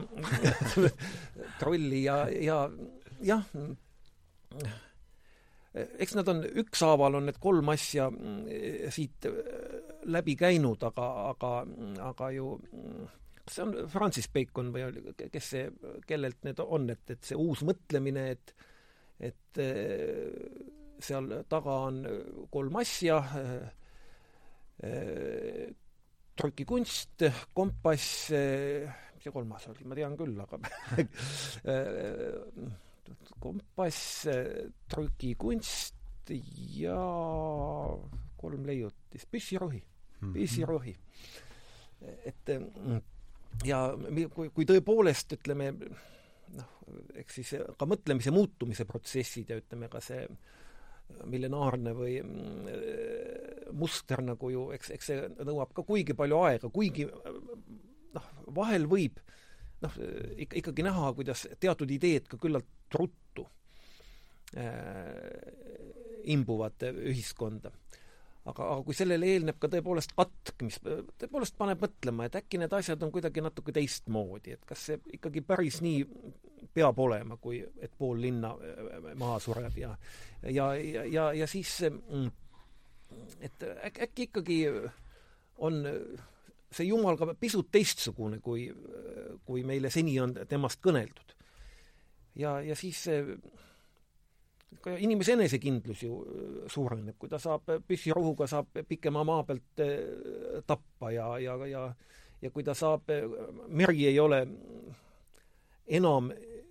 nii inimesest üle ka siis, kui ütleme, taevas on pilves ja, ja maad näha ei ole ja ja, ja trükikunst, mis tõepoolest Arvo Valtonil on üks äh, väga suurepärane novell Ohtlik leiutis, kuidas tähtsad mehed istuvad ümber laua, nendeni on jõudnud esimesed trükitud lehed ja ja nad lõpuks jõuavad üksmeelele, et see on üks ohtlik leiutis, parem kui seda ei oleks ka, ka, ka käsitöölised, kes on raha teeninud ümberkirjutamisega ja köitmisega ja kõik nad jõuavad sellele tulemusele. et, et ja, ja, ja ja, ja need jah, nüüd ma läksin jutuga kuhugi ma jõudsin, ma olin alguse juba unustanud nii et ma panen siia punkti. ei, aga see on väga, äh, see on, see on nii tore, et et äh, Toomas räägib meil tehnoloogia ajalugu ja mina olen see tehnoloogia ajaloolane ja siis äh, mina jauran siin midagi pühakirjast ja milleniaalsest mõtlemisest, mis võiks rohkem olla Toomase ampluaa, aga, aga Hardo, miks sind see Inglise kodusõda huvitas? ja no ma olen nüüd tegelenud siin sel semestril Ameerikaga oleme oma kursusel ja, ja võib-olla üks noh, jällegi niisugune, ma olen ka vist ka pigem pildis mõtlev kodanik siiski, et see mis minul olen, mis mina olen siiani sellest kursusest kaasa võtnud, ma ju õpin seal samamoodi, et see Paul de la Roche'i maailm, et, et kus Cromwell vaatab Charlesi seal äh, kirstus, et see kuidagi ja, ja sellega haakub Martin Maalia lause sellest ajalooveduritest, et pärast Charlesi hukkamist kolmekümnendal jaanuaril tuhat kuussada nelikümmend üheksa, sellega kaasnes protestantlike sektide või siis millenaristlike sektide plahvatuslik kasv, et et Inglismaal polnud ju kuningat äh, varem äh, hukatud ja et noh, et kui see on võimalik, siis mis kõik veel on siis mis kõik veel on võimalik, jah, et see kuidagi avas mulle, andis mulle mingi, see, ütleme, maa, see de la Roche'i maal avas mulle mingi tahu Ameerikast, mida ma ei olnud varem noh, ütleme jah, et sealt võib-olla selle mingi, pani mingi olulise klotsi sinna, mida mul, mida mul varem ei olnud, et ja mul ei olegi sellist küsimust nagu äh, formuleerida, aga et kas on, viskan lihtsalt teema õhku, et kas sellega midagi no me oleme kõik selle ümber ju siin tiirutanud niikuinii, eks, et kuningavõim on kadunud, eks ole, ja aga just, et et see no ma võib-olla see jah, see kalvinistlik katel, mis seal äh, noh, mina äh, nüüd ja siit ma jõudsin ise sellise pildini ja ma, siit ma tõtan nüüd äh, küll sündmustest natuke ette, aga et on niisugune, meil on niisugune, et kuidas seda praegust olukorda seal kokku võtta, et on niisugune vee, õhk, õhk äh, siis äh, ilma igasuguse ventiilita anumas keeb vedelik, mida ma nimetaksin inglise kalvinismiks ja seal all on see lõke, mida võiks siis, mille paneks nimeks Covid, et nii näen seda mina väga lihtsas ja väga lihtsalt seda, seda noh, see, ongi väga lihtne pilt mm. aga et just see, see kalvinistlik ja see egalitaarne eetos, mis seal mis seal praegu pulbitseb, et noh, sul on ka ju peale kõige, kõige muuga Äh, ka isiklik kokkupuude Ameerikaga, et kuidas sa, kuidas, kuidas sina seda äh, adud? nojah, eks seal ole nelja sajandi jooksul muid asju ka juhtunud peale, peale kalvinismi ja ma ikkagi rõhutaks seda, et selle egalitaarse eetose kõrval eksisteerib ka väga tugev hierarhiline dimensioon, mis on no just... millega muidu poleks tal ju kasvupindagi just, just, just. aga ma võib-olla tuleks äh, korraks hoopis tagasi nende äh, nende teetähiste juurde, kus me ja. siin nüüd oleme käinud läbi äh, Augustinuse reformatsiooni, uue maailma avastamise kodusõja ja siis ütleme nagu järgmine suur hetk äh, või suur pöördepunkt, mille ma siia lisaks, oleks äh, Lissaboni maavärin tuhande seitsmesaja viiekümne viiendal aastal, mis on äh, äh, väga pöördeline sündmus, sellepärast et äh, mille vastu Voltaire protestis, ma mäletan. jaa, jaa, see väga palju äh, kommentaare tekitas ja just sellepärast see ongi oluline, et, et see on, eks ju, suur looduskatastroof Euroopa südames, eks ju, Portugal sellel hetkel ikkagi on äh, on üsna oluline koht, eks ju, et mm. suur mereimpeerium küll oma äh, ütleme, hiilgeaja lõpul või isegi võib-olla nagu läbi saanud, aga ikkagi hästi oluline ja seal surevad tuhanded-tuhanded tuhanded inimesed. ja äh, ja sellest luuakse oma, omajagu palju tõlgendusi, maale, tekste ja nii edasi.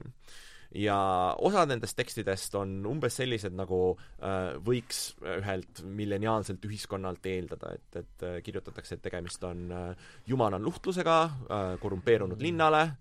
et äh, elati patuelu ja niimoodi juhtub, kui elatakse patuelu, et, et sind karistatakse aga siis teised inimesed, Voltaire on nende hulgas, aga siis eriti näiteks Immanuel Kant, võtavad sellele hoopis teistsuguse vaatepildi ja, ja see on juba midagi täiesti uut, et, et Kant kirjutab äh, äh, Lissaboni maavärina kohta, et, et kas ei ole mitte nii, et, et see, mida me peame siit õppima, ei ole mitte see, et maavärinad juhtuvad nii, nagu nad on juhtunud äh, aegade algusest peale, ikka nad mõnikord juhtuvad ja võib-olla probleem ei ole hoopis maavärinates, vaid probleem on selles, et inimesed ei peaks ehitama ma maju igale poole, kuhu neid e-, ehitada ei ole vaja. kui ei oleks ehitatud äh, maju, mis kergesti lagunevad, mis on äh, üksteise kõrvale pandud kohta, kus on teada, et maavärinad võivad juhtuda, siis ei oleks ka nii palju äh, inimesi seal hukka saanud. ja see on nüüd äkitselt hoopis teistsugune vaade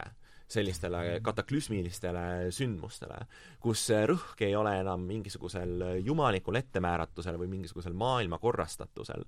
ähm,, vaid see rõhk on äh,, on sellel, et äh, milliseid valikuid äh, teevad inimesed oma äh, ühiskonna organiseerimisel äh,. Nii et ja, ja, ja see näitab, näitab suhteliselt äh, nagu olulist pööret Euroopa ajaloos, kus me liigume sellisest äh, äh, kristlikust kosmoloogiast äh, sekulaarsesse kosmoloogiasse. aga see ei tähenda, et see maailma lõpu üle mõtisklemine sellest mõttest kuskile kaoks. ja tegelikult Kant ise teeb hästi palju tööd selleks, et, et mõelda selle üle, et okei okay,, et mida me siis saame sellest äh, kristlikust maailmalõpu äh, käsitlusest võtta äh, sellisesse ratsionaalsesse maailma, kus me teame oma mõistuse piire, mis on see, mida me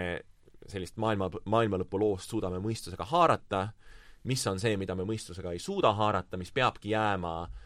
meile seletamatuks ja mille, mille üle ei ole mõtet äh, pead murda ja, ja mis on see, mis võib viia korruptsiooni ja, ja paha ja, ja kurjade ja, ja ebavajalike asjadeni nojah, seal on ju seesama suur epistemoloogiline pööre äh, ju Kanti enda mm -hmm. Koperniku revolutsioon selles jah, ja ei, lihtsalt peab tunnistama, et et kui me võtame sellesama Kanti kategoorilise imperatiivi, käitu nii, et sinu käitumine võiks olla üldine reegel siis see tema hinnang äh, Lissabonile on väga noh, ongi noh, oleks ka imelik, kui ta kooskõlas ei oleks, tähendab, aga aga, aga absoluutselt väga, väga, väga kenasti. ja äh, Kant, nii palju, kui ma nüüd hetkel suudan haakuda, on ka minu meelest jah, üks neid, äh, kes ähm, Augustiinuse kombel nagu mingit pidi noh, rahustab ja võib-olla siis selle teise sütiku, mitte et ta päris ära ei keera, aga vähemalt äh, aga nii... sa näed nagu Kanti ja Augustinuse äh, teatud sarnasus, äh, rollide no, sarnasust an-, antud jah, just suhteliselt kitsa küsimuse puhul. Ja, jah, jah, jah, jah, küll. sest sest noh, see apokalüptiline mõtlemine, noh, ükskõik, on ta kolmekümnenda aasta, kolmekümne aastase sõja ajal või on ta tänapäeval, ikkagi kui maailma lõpp on nii-nii lähedal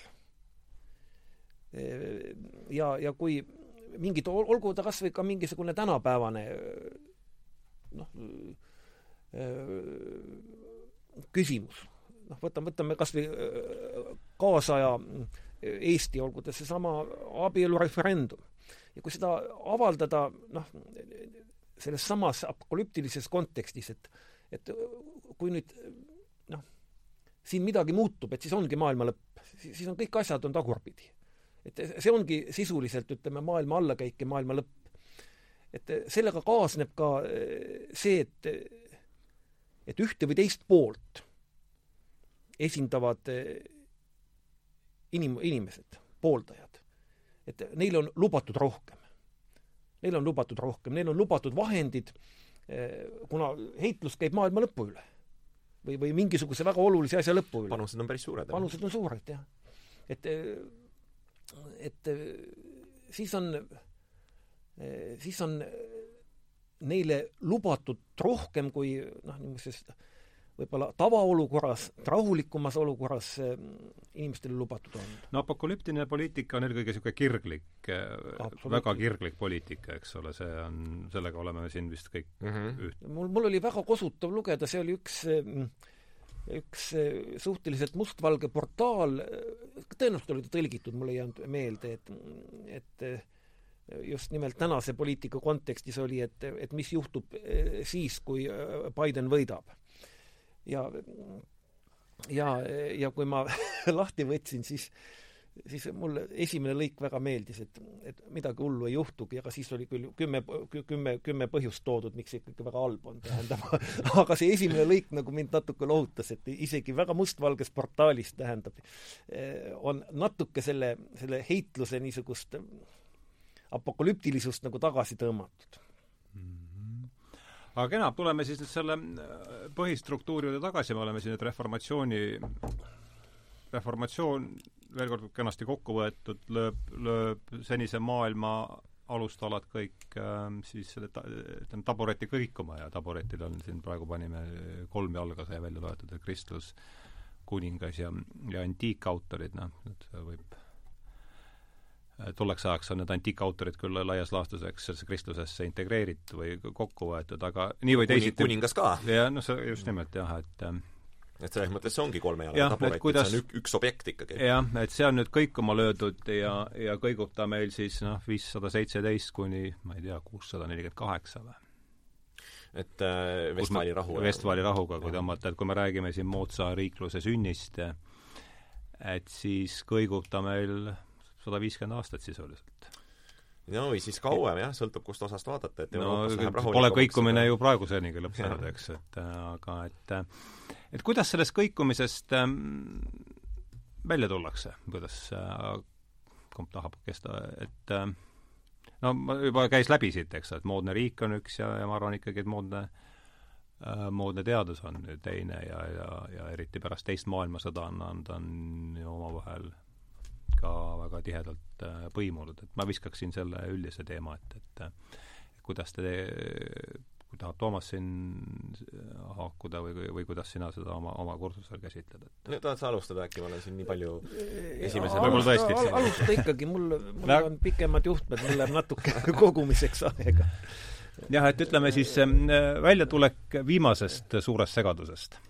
ütleme, et tõesti suur segadus on ikkagi vist... et sa mõtled teist maailmasõda? ei, ma mõtlen reformatsiooni. aa, reformatsiooni, jah. ma arvan, et ei noh, eks ma sellepärast selle Lissaboni maavärina üles võtsingi, et, et, et üks nendest vastustest noh, see moodne riik mood-, moodsaks riigiks, aga siis see teine vastus on siis äh, autoriteedi otsimine mõistuses ja, ja loogikas ja, ja ratsionaalses tegevuses, empiirilises maailma vaatlemises, et et see on ju see, mida äh, Äh,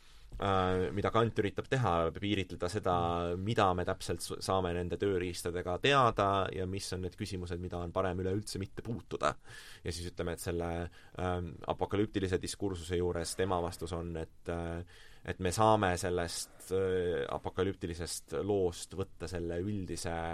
ähm, nii-öelda igavikule orienteerituse äh,, et me peaksime äh, äh,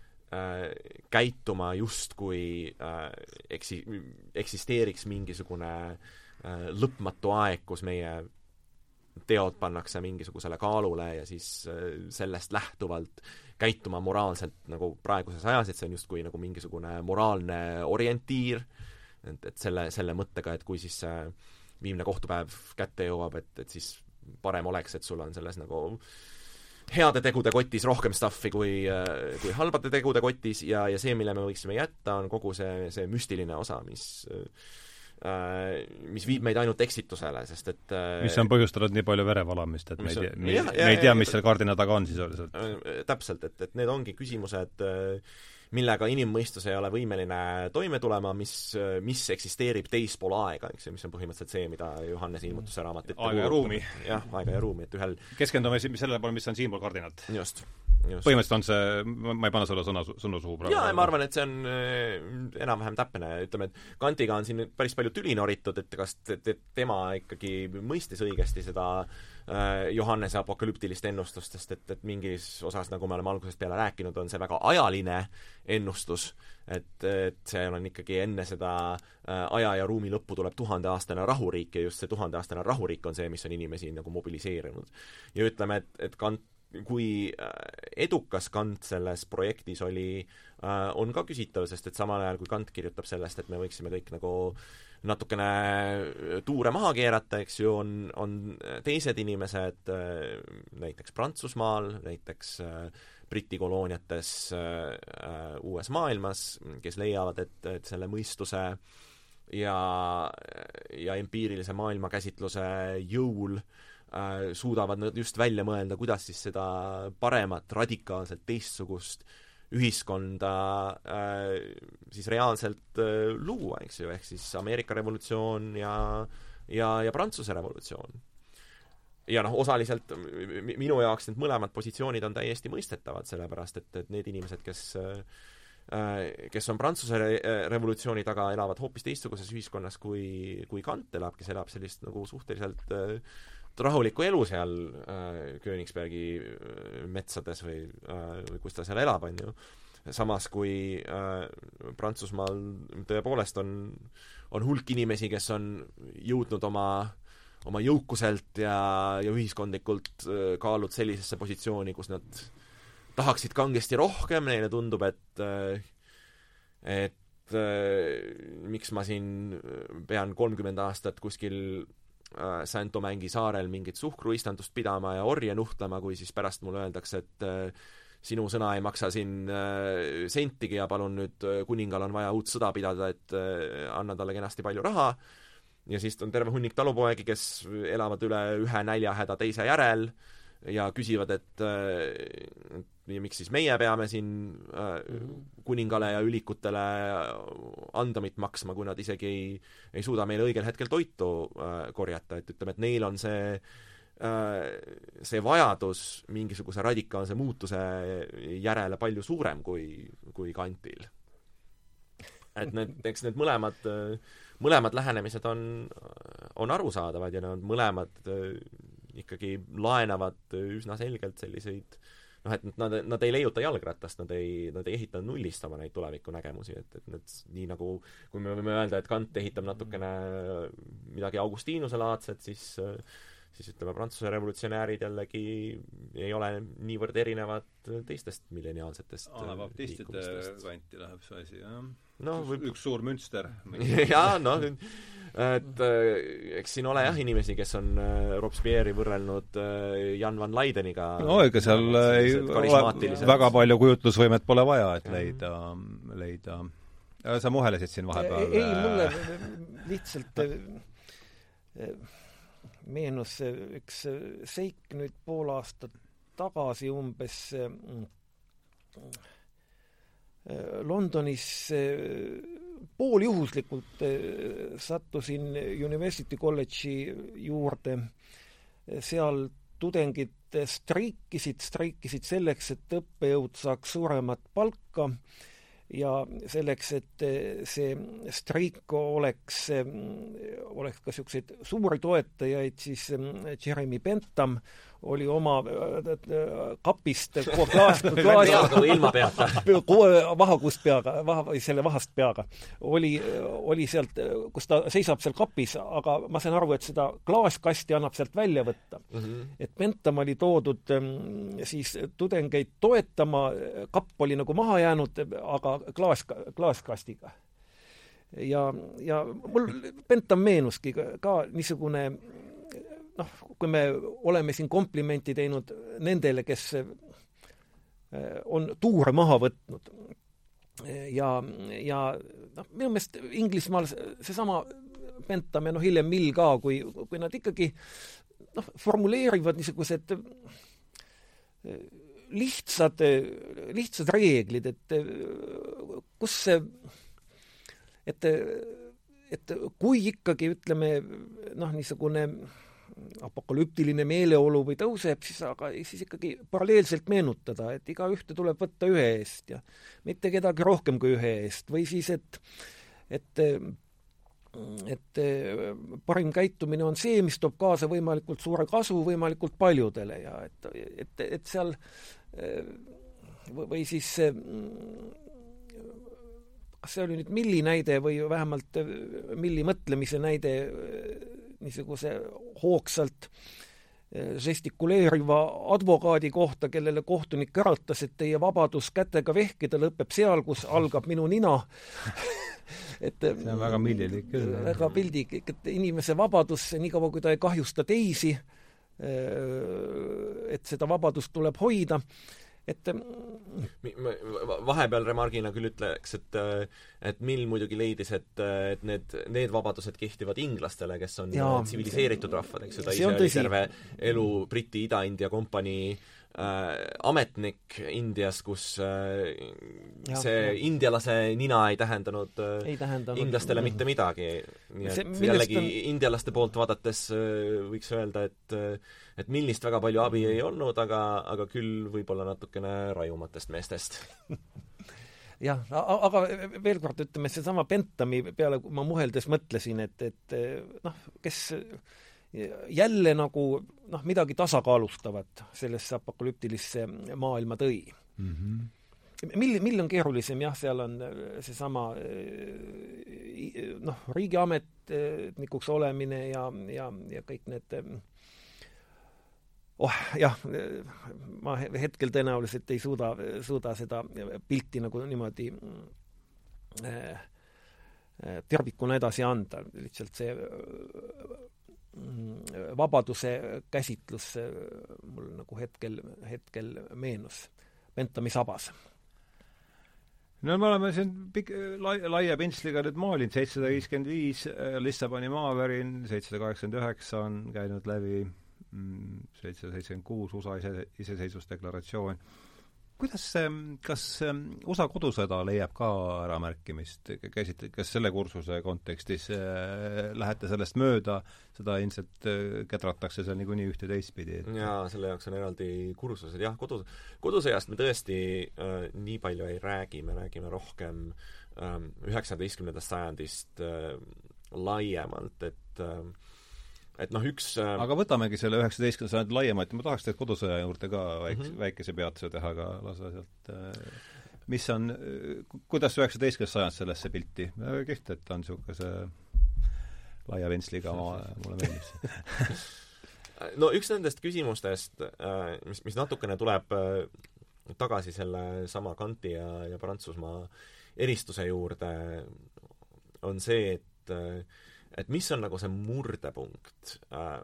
mis on see, mis, mis annab märku, et me elame mingisugusel äh, maailmalõpulisel ajal, et, et kas, et, et, et asjad on nagu kapitaalselt valesti läinud või et, et nüüd on see hetk saabumas, nüüd on saabunud mingi murdepunkt, mis ütleb, et nüüd on see võimalus midagi radikaalselt muuta. et mille järgi inimesed äh, selle ära tunnevad. et see, mis on ka küsimus, millega murtakse väga, väga palju üheksateistkümnendal sajandil pead, sest et on selge, et midagi on maailmakorralduses äh, radikaalselt muutunud, et, et need äh, kaks revolutsiooni on toimunud ja ilmselgelt nagu äh, Ameerika-Prantsuse. Ameerika-Prantsuse, jah. Ja et tööstusühiskond näeb välja fundamentaalselt teistsugune kui ähm, kui feodaalkord. ja, ja mis me siis selle teadmisega peale hakkame ja üks viis seda tõlgendada, mida üheksateistkümnendal sajandil hästi palju tehakse, on, äh, on sellesama linnaelu võtmes noh, Toomas on siin juba rääkinud sellest, kuidas linn on hästi keskse tähendusega apol-, apokalüptilise diskursuse seisukohalt. ja üheksateistkümnenda sajandi mõtlejatel on ka linn kohutavalt oluline, sest et noh, see on võib-olla see, kus see tööstusühiskonna eripära ilmneb kõige selgemalt, on, on see massiline linnastumine, mida me näeme mm. eriti Suurbritannias, aga hakkame kohe, kohe nägema ka Saksamaal, ütleme, Prantsusmaa, Venemaa on sellised hästi hilised äh, linnastujad ja, ja linnakeskkond ikkagi äh, üheksateistkümnendal sajandil on hoopis midagi muud, kui ta, kui ta tänapäeval on, et äh, et kui sa vaatad näiteks, mis on keskmine eluiga linnas, siis äh, noh, see on ütleme, selliste madalamate klasside esindajate jaoks on see mingi alumised kolmekümnendad, hilised mm. kahekümnendad, et Äh, ja see on arvesse võttes imikute tohutut suremust. Ja üldiselt linnad üheksateistkümnendal sajandil on negatiivse iibega, seal sureb inimesi rohkem, kui seal sünnib, linnad kasvavad ainult tänu sellele, et maapiirkondadest kolib linna terve hulk inimesi, sellepärast vana, vana Joss üritas seda ju tagasi taha, tasa teha, eks ole, kahekümne aastaga, mis seal oli, läänes oli saanud kakssada, kakssada aastat, ega see põhimõtteliselt oli ju ja. sama asi, et Anu Mehel natis kinni ja linna, eks. Jah, jah seal ta anti, sai ta ise liikuda, seal võiti, viidi NKVD toel. jah, no ega, ega Suurbritannias see ju tegelikult ka väga kaua aega ei võtnud, et Manchester muutub sellisest kuuekümne tuhande elanikuga linnast poole miljoni linnaks nagu umbes kolmekümne aastaga, mingi tuhat kaheksasada kakskümmend kuni tuhat kaheksasada viiskümmend. Ja ja, ja siis see valmistab kohutavalt palju muret, sest et, et olgem ausad, nagu elatustase linnas enamike inimeste jaoks hästi madal, sul on kogu aeg oht surra kas koolerasse, tüüfusesse, tuberkuloosi, katku, see nimekiri on kohutavalt pikk lisaks. pluss keskkond on niivõrd erinev sellest, kus on sajandite kogu aeg siiani elatud. mehed, naised, samadel tänavatel, mingi porduelu käib, eks ju, et et neid tekste, mis, mis näevad, et, et see korruptsiooniallikas on just linn, on, on üheksateistkümnendal sajandil hästi palju, noh me üks, loeme üks suur Babylon. üks suur Babylon, jaa, üks nendest tekstidest, mida me loeme, on, on Kuritöö ja karistuse esimene no. peatükk, mis eks ju, on mm. selline väga põhjalik Peterburi äh, kirjeldus, mis, mis kannab täpselt sedasama vaimu, et, et see on selline äh, palav äh,, ajusid väsitav äh, segane koht, kus kõik asjad haisevad ja, ja mingisugune mingi, mingi asi ajab su pea segi, see on soole ehitatud linn, see kõik on hästi kahtlane äh,. Et see on nagu üks koht, kus siis äh, nähakse seda korruptsiooniallikat ja ühtlasi siis nagu probleemi, mida tuleb lahendada äh,. Ja siis, ja siis teine on jällegi noh, tulles tagasi selle piiriala juurde, on see kolonialismi probleem, et, et, et see on see aeg, kus äh, noh, püssirohule lisandub äh, automaatrelv mm -hmm. ja äh, aurikutele lüüakse äh, teras peale ja pannakse kahurid peale ja minnakse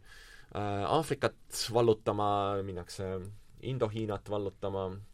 ja tekib seesama küsimus, et, et miks me seda kõike teeme, peale selle, et me saame. ja, ja, ja siis tuleb tagasi sama milleniaarne konverteerimis- või pööramisküsimus, et me teeme seda sellepärast, et et pöörata inimesi kristlusesse ja me teeme seda sellepärast, et viia seda progressi, mida siis on ikka juba ka meie tsivilisatsioonist rohkem jutt vist, eks ole, et meil on siin niisugune tore asi nagu tsivilisatsioon ja viime selle siis äh, teistele üle maailma murjunitele kätte. on, aga see on väga äh, lähedaselt seotud äh, kristlusega, sest seda tööd teevad suuresti missionärid, et kui me vaatame kas või Euroopa kolooniate struktuuri, siis selle nagu institutsiooni, selle riigi võib olla küll püsti pannud mingi seitseteist Prantsuse ametnikku, aga need inimesed, kes seal kohapeal on, kes nagu igapäevaselt tegelevad seal pärismaalaste koolitamise, nende tööle saatmise, sellise igapäevase haldusega on sageli Euroopa missionärid. ja et noh, see on, ei ole asjata, et seda protsessi nimetatakse tsiviliseerivaks missiooniks või missioniks. ja seal on see tsivilisatsioon ja misjon on võrdse kaaluga terminid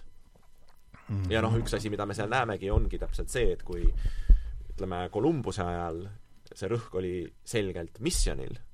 siis nüüd on see muutunud küsimuseks, mis, millel on olemas oma sekulaarne väljendus. seesama tsivilisatsioon, mis on see, et noh, ütleme, et kui me vaatame Jules Ferri'd või kes on, eks ju, veendunud vabariiklane, ei taha kirikust suurt midagi kuulda, aga ta on ikkagi natukene selles vaimus, et et noh, et see millennium on kätte saabunud, et Prantsuse revolutsioon on toimunud, meie oleme nagu jõudnud sellesse rahuriiki ja nüüd meie asi on meie ülesanne kõik sinna, ülejäänud sinna korjata. just, just mm. -hmm. noh, loomulikult see ei ole ainukene asi, mis, mis neid inimesi siin... motiveerib, aga aga need äh, alged on seal olemas. Ei, ma vist jäin oma mõtetes äh, kuritöö ja karistusse, sest eh, ma olen eh, Piiteris eh, noh mulle meeldis ka see soole ehitatud linna see jah, jah, ja ma olen püüdnud käia samadel tänavatel ja, ja ja jah, see on, see on Dostojevskil väga, väga veenvalt on see edasi antud, need kangialused ja soole ehitatud linn ja, ja lõhnad ja, ja, ja oh, ka, ka, ka vanamutid ja, ja jah. ning ma ei ole seda küll ise lugenud, aga ta, Dostojevski maalib ka Londonist võrdlemi sellest äh, Dickensi aegsest Londonist päris, see on eesti keeles olemas ka mingid talvised märkmed, uis oh,, ma ei mäleta, mis see pealkiri, aga peaks olema eesti keeles olemas, aga sest äh, noh, sest sama, see London, see linnaühiskonna niisugune, aga ma segasin sulle vahele nüüd. ei, ei, ei, ei. et see jah, see see linnapõrgu kirjeldus on Doste-, üheksateistkümnenda sajandi linnapõrgu kirjeldus on Dostojevskil päris veenev. aga noh, üks asi, mis on omamoodi eripärane selle üheksateistkümnenda sajandi juures, noh ühelt poolt me näeme, kui paindlik see apokalüptiline narratiiv on, eks ju, et sa võid seda jutustada kui tohutut progressi triumfi ja sa võid seda jutustada kui sellist degeneratsiooni hetke, on ju, aga, aga see võib-olla ongi nagu üheksateistkümnenda sajandi juures eripärane, et kui sul nende varemat, varasemate milleniaalsete liikumiste juures noh, üks omadus on selline tohutu enesekindlus. et sa tead, kuidas see lugu lõpeb. ja, ja see, see annab sulle selle jõu tegutseda, eks ju, et, et, et sa tead, et, et sina oled õigete poolel, et, et see uus Jeruusalemm tuleb, et ja-, Jan van Leidenil on, on õigus või siis nendel Äh, puritaanidel äh, on õigus, kes, kes Ameerikasse kolivad, et ükskõik, millised need raskused sul praegu on, et, et lõpuks sa oled õigete poolel, siis üheksateistkümnendal sajandil pigem maailma lõpuga seostub tohutu kahtlus. see mm. mingisugune segadus, see arusaam sellest, et ajalugu on lahtine, et, et me kirjeldame seda küll kui sellist et üheksateistkümnes sajand on progressi sajand, eks ju, aga, aga tegelikult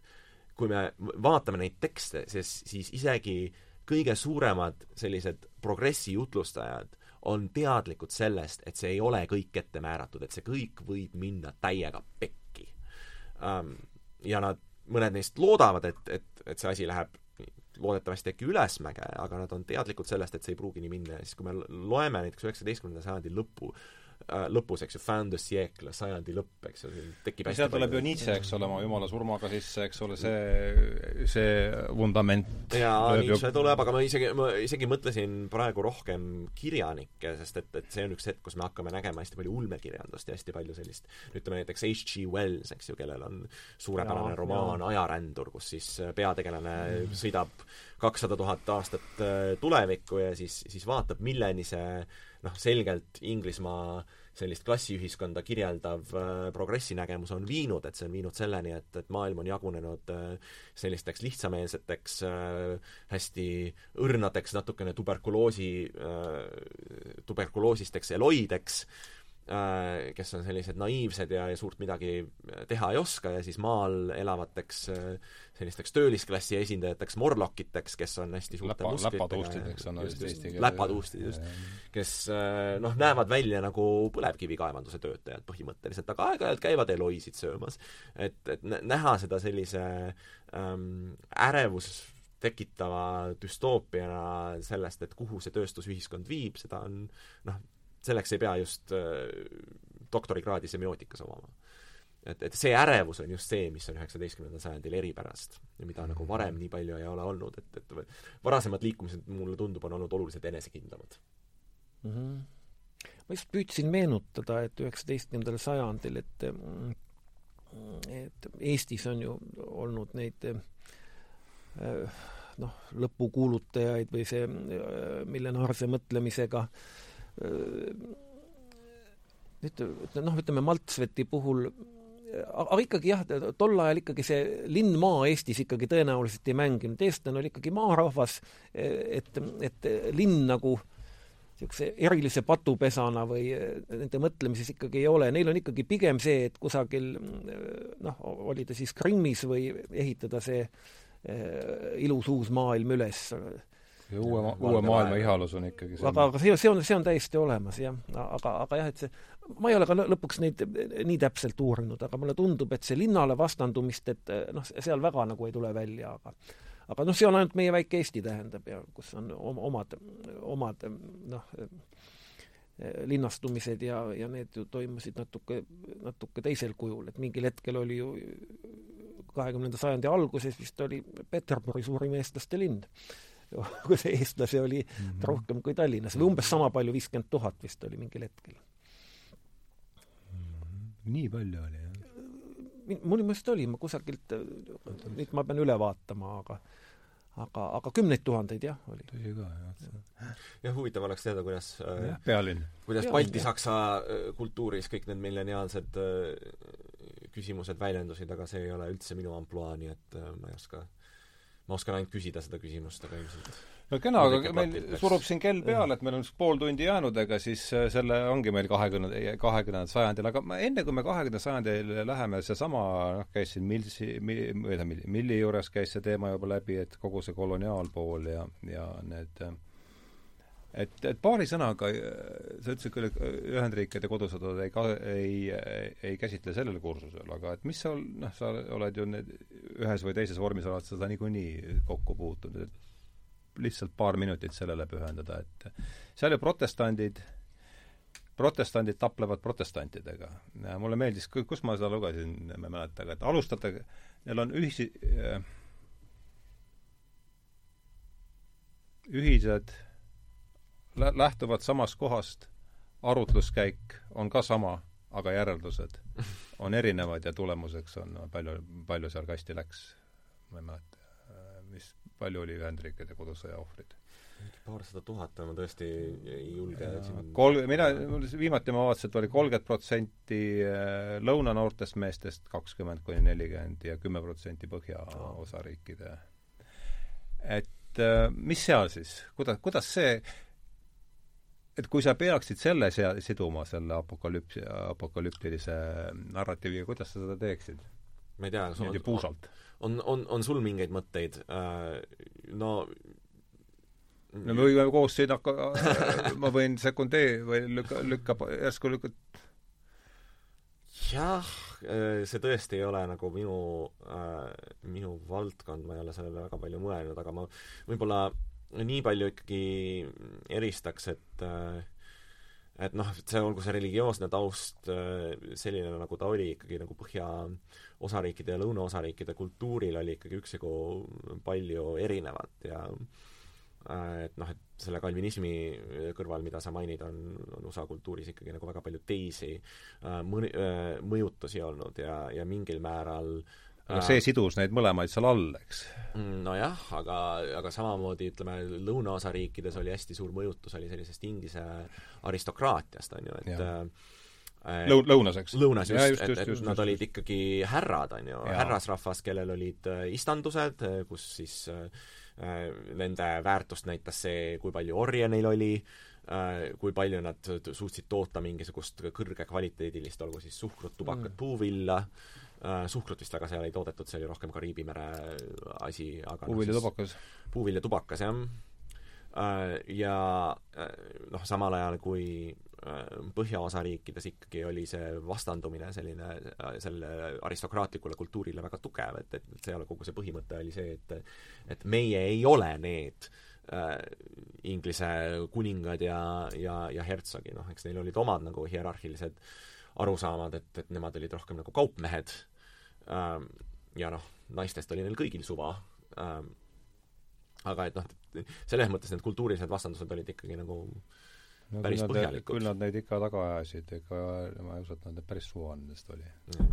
no selles mõttes küll jah, aga et et nad kuidagi osaleksid selles, selles projektis, aga no muidugi üks nendest küsimustest äh, on see, et, et kui et mis siis saab sellest äh, välja valitud maast, et see välja valitud maa ei saa ju ometigi lõhki minna, see on see on, see on mõeldamatu, kui sa oled välja valitud, nii et see vist kindlasti no, toovad ikkagi selle Inglise kodusõja temaatika, see on nagu suur, ma ei olnud varem selle niimoodi mõelda, aga see on suur reenactment ütleme, Inglise kodusõja, kodusõja uuesti läbimängimine uued siis konföderatsioon on nagu Cromwell või? noh, noh, pigem kui sa niimoodi panid selle pildi, et aristokraatia on lõunas, siis äh, siis võib siin jah, nii ja naa seda argumenteerida, aga mingis mõttes mängitakse seesama, noh, jällegi, ega siin need paralleelid on meil nagu on, aga ma arvan, et see on üks, üks võimalus seda asja mm, -hmm. asja, asja vaadata. jah, ma siin vist tõesti jään äh, vastuse võlgu. ja, ja, ja diletandina ma, tundub nagu teatud, teatud jah, seosed olemas, aga, aga jah, väga lepimegi sellega, et, et niisugused välised, väline sarnasus või teatud paralleelid tunduvad olemas, aga, aga noh, võib-olla keegi kuulajatest saadab meile niisuguse asjatundliku kriitika, mis meid ümber veenab. jah, et kuidas, kuidas need, kuidas siis Lincoln ja ja kindral Lee ise seda, seda asja nägid, kas nemad ka neid paralleele tõmbasid? Sest tõesti, mitte olles Ühendriikide ajaloolane, peaks kolleegide käest küsima no nii, aga nüüd on siis üheksateistkümnenda sajandi need mm, suured vastuolud, linnastumine ja tööstus, need, need toovad siis äh, ajaloo näite lavale sellise te tegelase nagu proletariaat ja seda meil ei suudetagi siin ja sellele, see ei mahutugi ära sellesse ühiskonnakorda, mis meil on sealt Vestfaalist päritud, eks. Ja siis tuleb kolmekümneaastane taplus. Väikse vaheaega, tuhat üheksasada neliteist kuni tuhat üheksasada nelikümmend viis, eks. Mm. -hmm ja kas sa näed või kas, kas te mõle-, kas te näete, ütleme, üks küsimus oli see, et kuidas sellest äh, mm, reformatsiooni äh, noh, vähemasti see küsimus üleval ise, see, palju me selle vastasime, kuidas me, kuidas sellest reformatsiooni segadikust välja tuldi, noh, et sündis riik ja sündis, sündis, sündis moodne teadus, et et kui arutleks nüüd selle üle, et mis on niisugune teise maailmasõja järgne selline konsensus ja siis on ja mulle tundub, et praegu oleme me selle, selle, elame kaasa selle lagunemisele, et vaataks tagasi, et mis see, mis see konsensus teie arvates oli siin viimase siis, nüüd juba vaata, et hakkab seitsekümmend viis aastat. Et mis oli viimase seitsmekümne viie aasta konsensus, mis meil noh, ikkagi võimaldas tegelikult ega nii rahulikku aega kui siin maanurgas äh, on olnud äh, noh, okei okay,, jätame selle vana Jossi aastad nüüd äh, välja, aga no mis on ka viiskümmend viis kuni, kuni kaks aga noh, see lihtsalt, lihtsalt ääremärkusena, et see on selles mõttes huvitav, huvitav hetk, et ega äh, Vene revolutsiooni on ju ka tõlgendatud ja noh, võib öelda, et suhteliselt põhjendatult, osaliselt vähemalt millenaarse liikumisena, et Juri Slaskini äh, ilmselt ka Eesti lugejale mõnevõrra tuttav see äh, Nõukogude ajaloo käsitlus, et, et bolševikud olid ikkagi Sljaskin. Mis nimi? Juri Sljaskin. aa ah,, seda, see ei ole see äh,. Ta on kirjutanud just äsja sellise tohutu tellise ütle palun autor veel äh,. Juri Sljaskin. Juri Sljaskin äh,. Inglispäraselt kirjutatakse nimi Sle-, Sletskine. S-L-E-Z-K-ine aga e-, vene hääldus oli Sljots-, Sljoskin, jah. Et äh, ta kirjutas just sellise tuhandeleheküljelise tellise nimega The Soviet House of Government, äh, mis siis tõlgendabki äh, seda nagu bolševikude esimest põlvkonda, seda põlvkonda, kes siis nagu revolutsiooni tegi, sellist nagu Lenini põlvkonda, ähm, kui sellist korralikku nagu, nagu raamatu millenaare, kes kes lugesid Marxi umbes samamoodi nagu, nagu Montanus või, või või, või keegi äh, sellistest varajastest kristlastest luges Johannese ilmutuste raamatut mm -hmm. kui sellist õpikut äh, ja ja siis arutleb selle üle, et äh, et miks siis sellest kõigest äh, midagi välja ei tulnud ähm, mis küll läks, mis küll läks valesti. ja, ja, ja, et, et temast on üks natukene lühem äh, tekst tõlgitud Vikerkaares äh,, ka hästi murranguline tekst, mille pealkiri on Nõukogude Liit kui äh,, kui kommunaalelamu. ahah, väga huvitav äh,. mingi paarikümne aasta eest tõlgitud aga jah, aga võib-olla noh, et oma kursuses ma jätan selle suhteliselt äh, selliseks ääremärkuseks, sest et äh, et noh, tõesti, mis sellest ikka üle rääkida ja, ja selle loogika on saadud ka Prantsuse revolutsiooni ajal natukene, natukene läbi räägitud äh,, mille järgi muidugi bolševikud ka ennast mudeldavad, et Prantsuse revolutsioonist saab see nagu revolutsiooni mudel kõikidele järgmistele, et kõik muretsevad selle pärast, et kuidas vältida Robespierre'i, kuidas vältida terrorit äh,, Äh, ja, ja mõtlevad samas, kuidas see asi lõpuks kõik nii edukalt enam-vähem lõpetada, nagu Prantsuse revolutsioon oli muidugi, noh, eks ju, Mao tsiteerides, et mis on Prantsuse revolutsiooni tulemus, on liiga vara öelda. Mm.. aga selle äh, neljakümne viienda aasta järel minu meelest see vastus vähemalt, kui vaadelda sellisest, äh, sellest samast apokalüpsise äh, diskursusest, mis jällegi on ainult üks võimalik tõlgendusraam, on, on väga selgelt äh, aatomiajastu. jah, ma olen nõus sellega. et äh, et seal esiteks see, see apokalüptiline keel, see arusaam, et äh, midagi on dramaatiliselt muutunud, et mm -hmm. me mhm. oleme sisenenud mingisugusesse uude hetke ja see on see hetk, mis sunnib inimkonda mõtlema äh, oma võitude ja oma pattude üle, ütleme, et kui lugeda mingeid selliseid äh, otseselt kristlikust äh,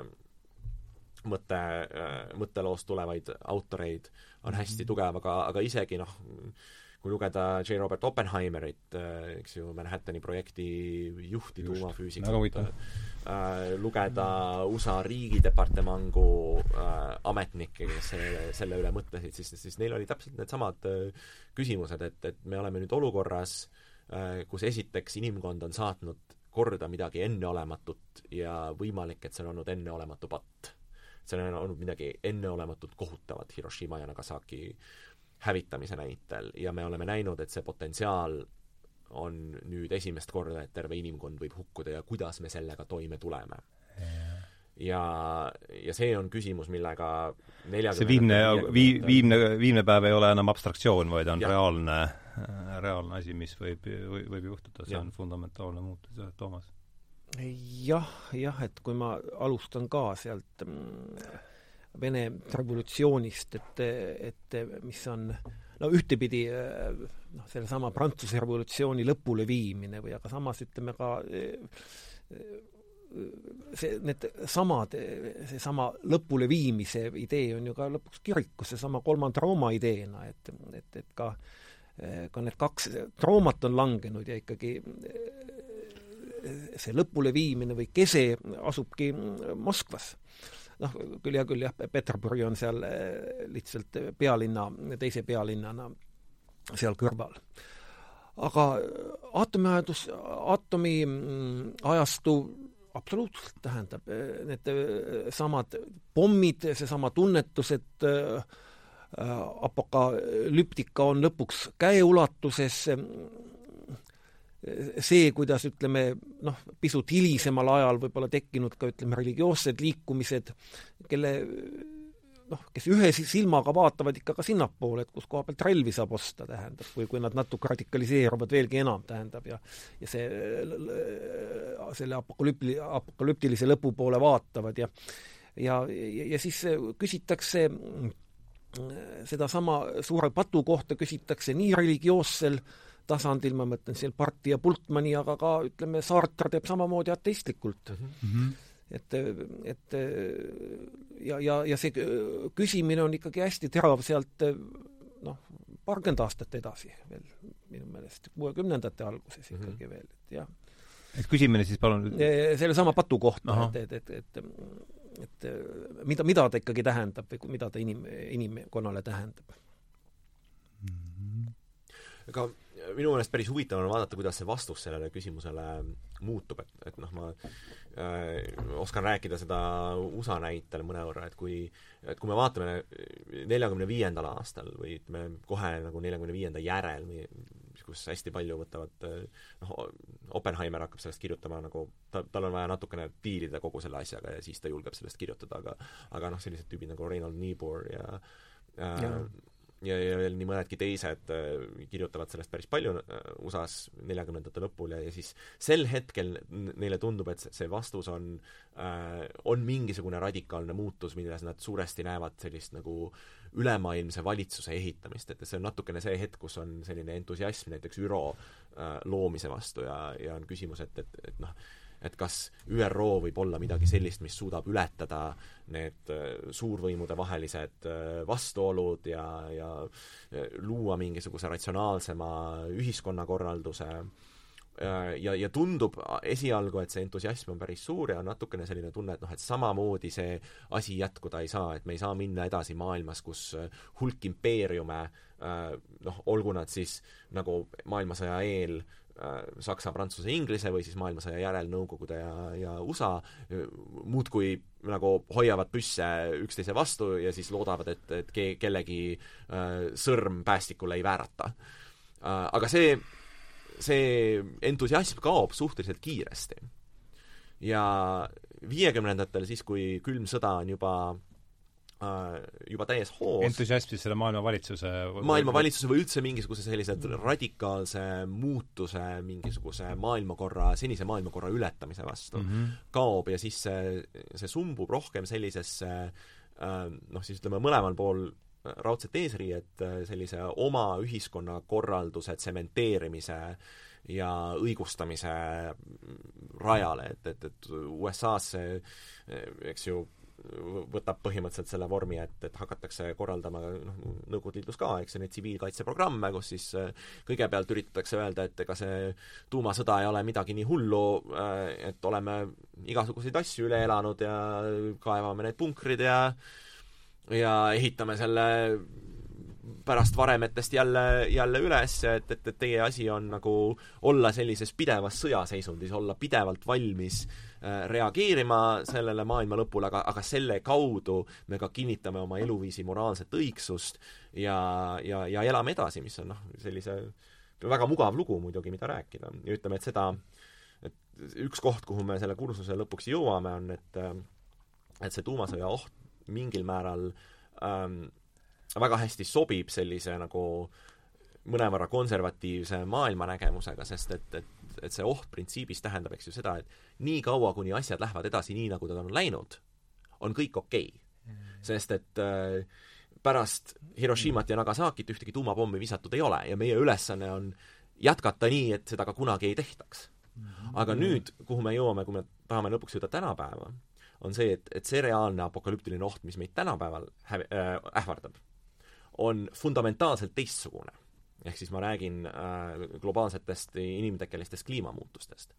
kus see oht seisneb just nimelt selles, et kui me teeme kõike edasi nii, nagu me oleme siiamaani teinud, siis me teame suhteliselt, noh, seal, eks ju, teadlased võivad vaielda täpselt nagu millal me jõuame mingi nelja-viie protsendise, äh, nelja-viie äh, Celsiuse äh, kraadini kliimamuutuseni, aga see ei ole enam hästi äh, ühildatav inimtsivilisatsiooniga sellisel kujul, nagu me, meie kõik siin oleme ära harjunud. et see on nüüd just jällegi olukord, kus on vaja mingisugust ähm, globaalset muutust, nii et see selline nagu tuumasõjast pärit äh, Äh, tuumasõja ohu ajast pärit äh, no, raamistus. Need ei ole ka kuhugi kadunud, need istuvad seal šahtides edasi. Need istuvad seal šahtides edasi, muidugi noh, neid on mõnevõrra vähem kui, kui külma no, sõja ajal. aga noh, see, see, see mõtteviis, mis, mis keskendub sellele, et et kinnitame seda, et kõik, mis me siiamaani oleme teinud, on, on olnud õige ja, ja hoiame seda ja oleme valmis selleks, et see täpselt samasugusel vormil äh, vajadusel uuesti üles ehitada, see muster hästi ei sobitu selle ohuga, mis meid praegu ähvardab. mulle meeldis see mõte, et, et äh, seal äh, ühel pool ja teisel pool raudset eetri, et tegite, tegeleti valdavalt sellega, et tsementeeriti oma, oma seda olemasolevat ühiskonda korda, no me teame, kuidas see kuidas see siinpool äh, raudselt eetrijast lõppes. Ja mulle, ja nüüd me tänapäevasesse jõuda, mulle tundub, et seal teine pool tegeleb praegu täpselt sama asjaga, sest ma ei tea, mis teie, sest äh, eriti mulle huvitab sinu arvamus siin, et äh, arvama, kuivõrd sul on see USA, USA tatsi siin nagu rohkem küljes, et et et no minu meelest võtab selle asja perspektiivituse seal kõige paremini kokku see demokraatide, demokraatide valik äh, Trumpi vastu, et kus, kus, kellel, anna mulle, mina, ma ei jälgi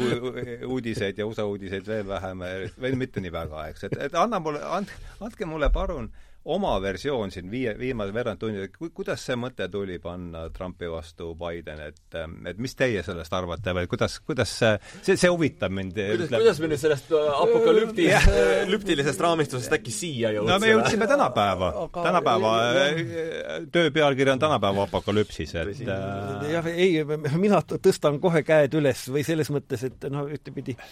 mul, mul väga meeldis üks väga keerulise nimega kandidaat, sina oskad vast välja öelda, kes seal alguses demokraatidel oli.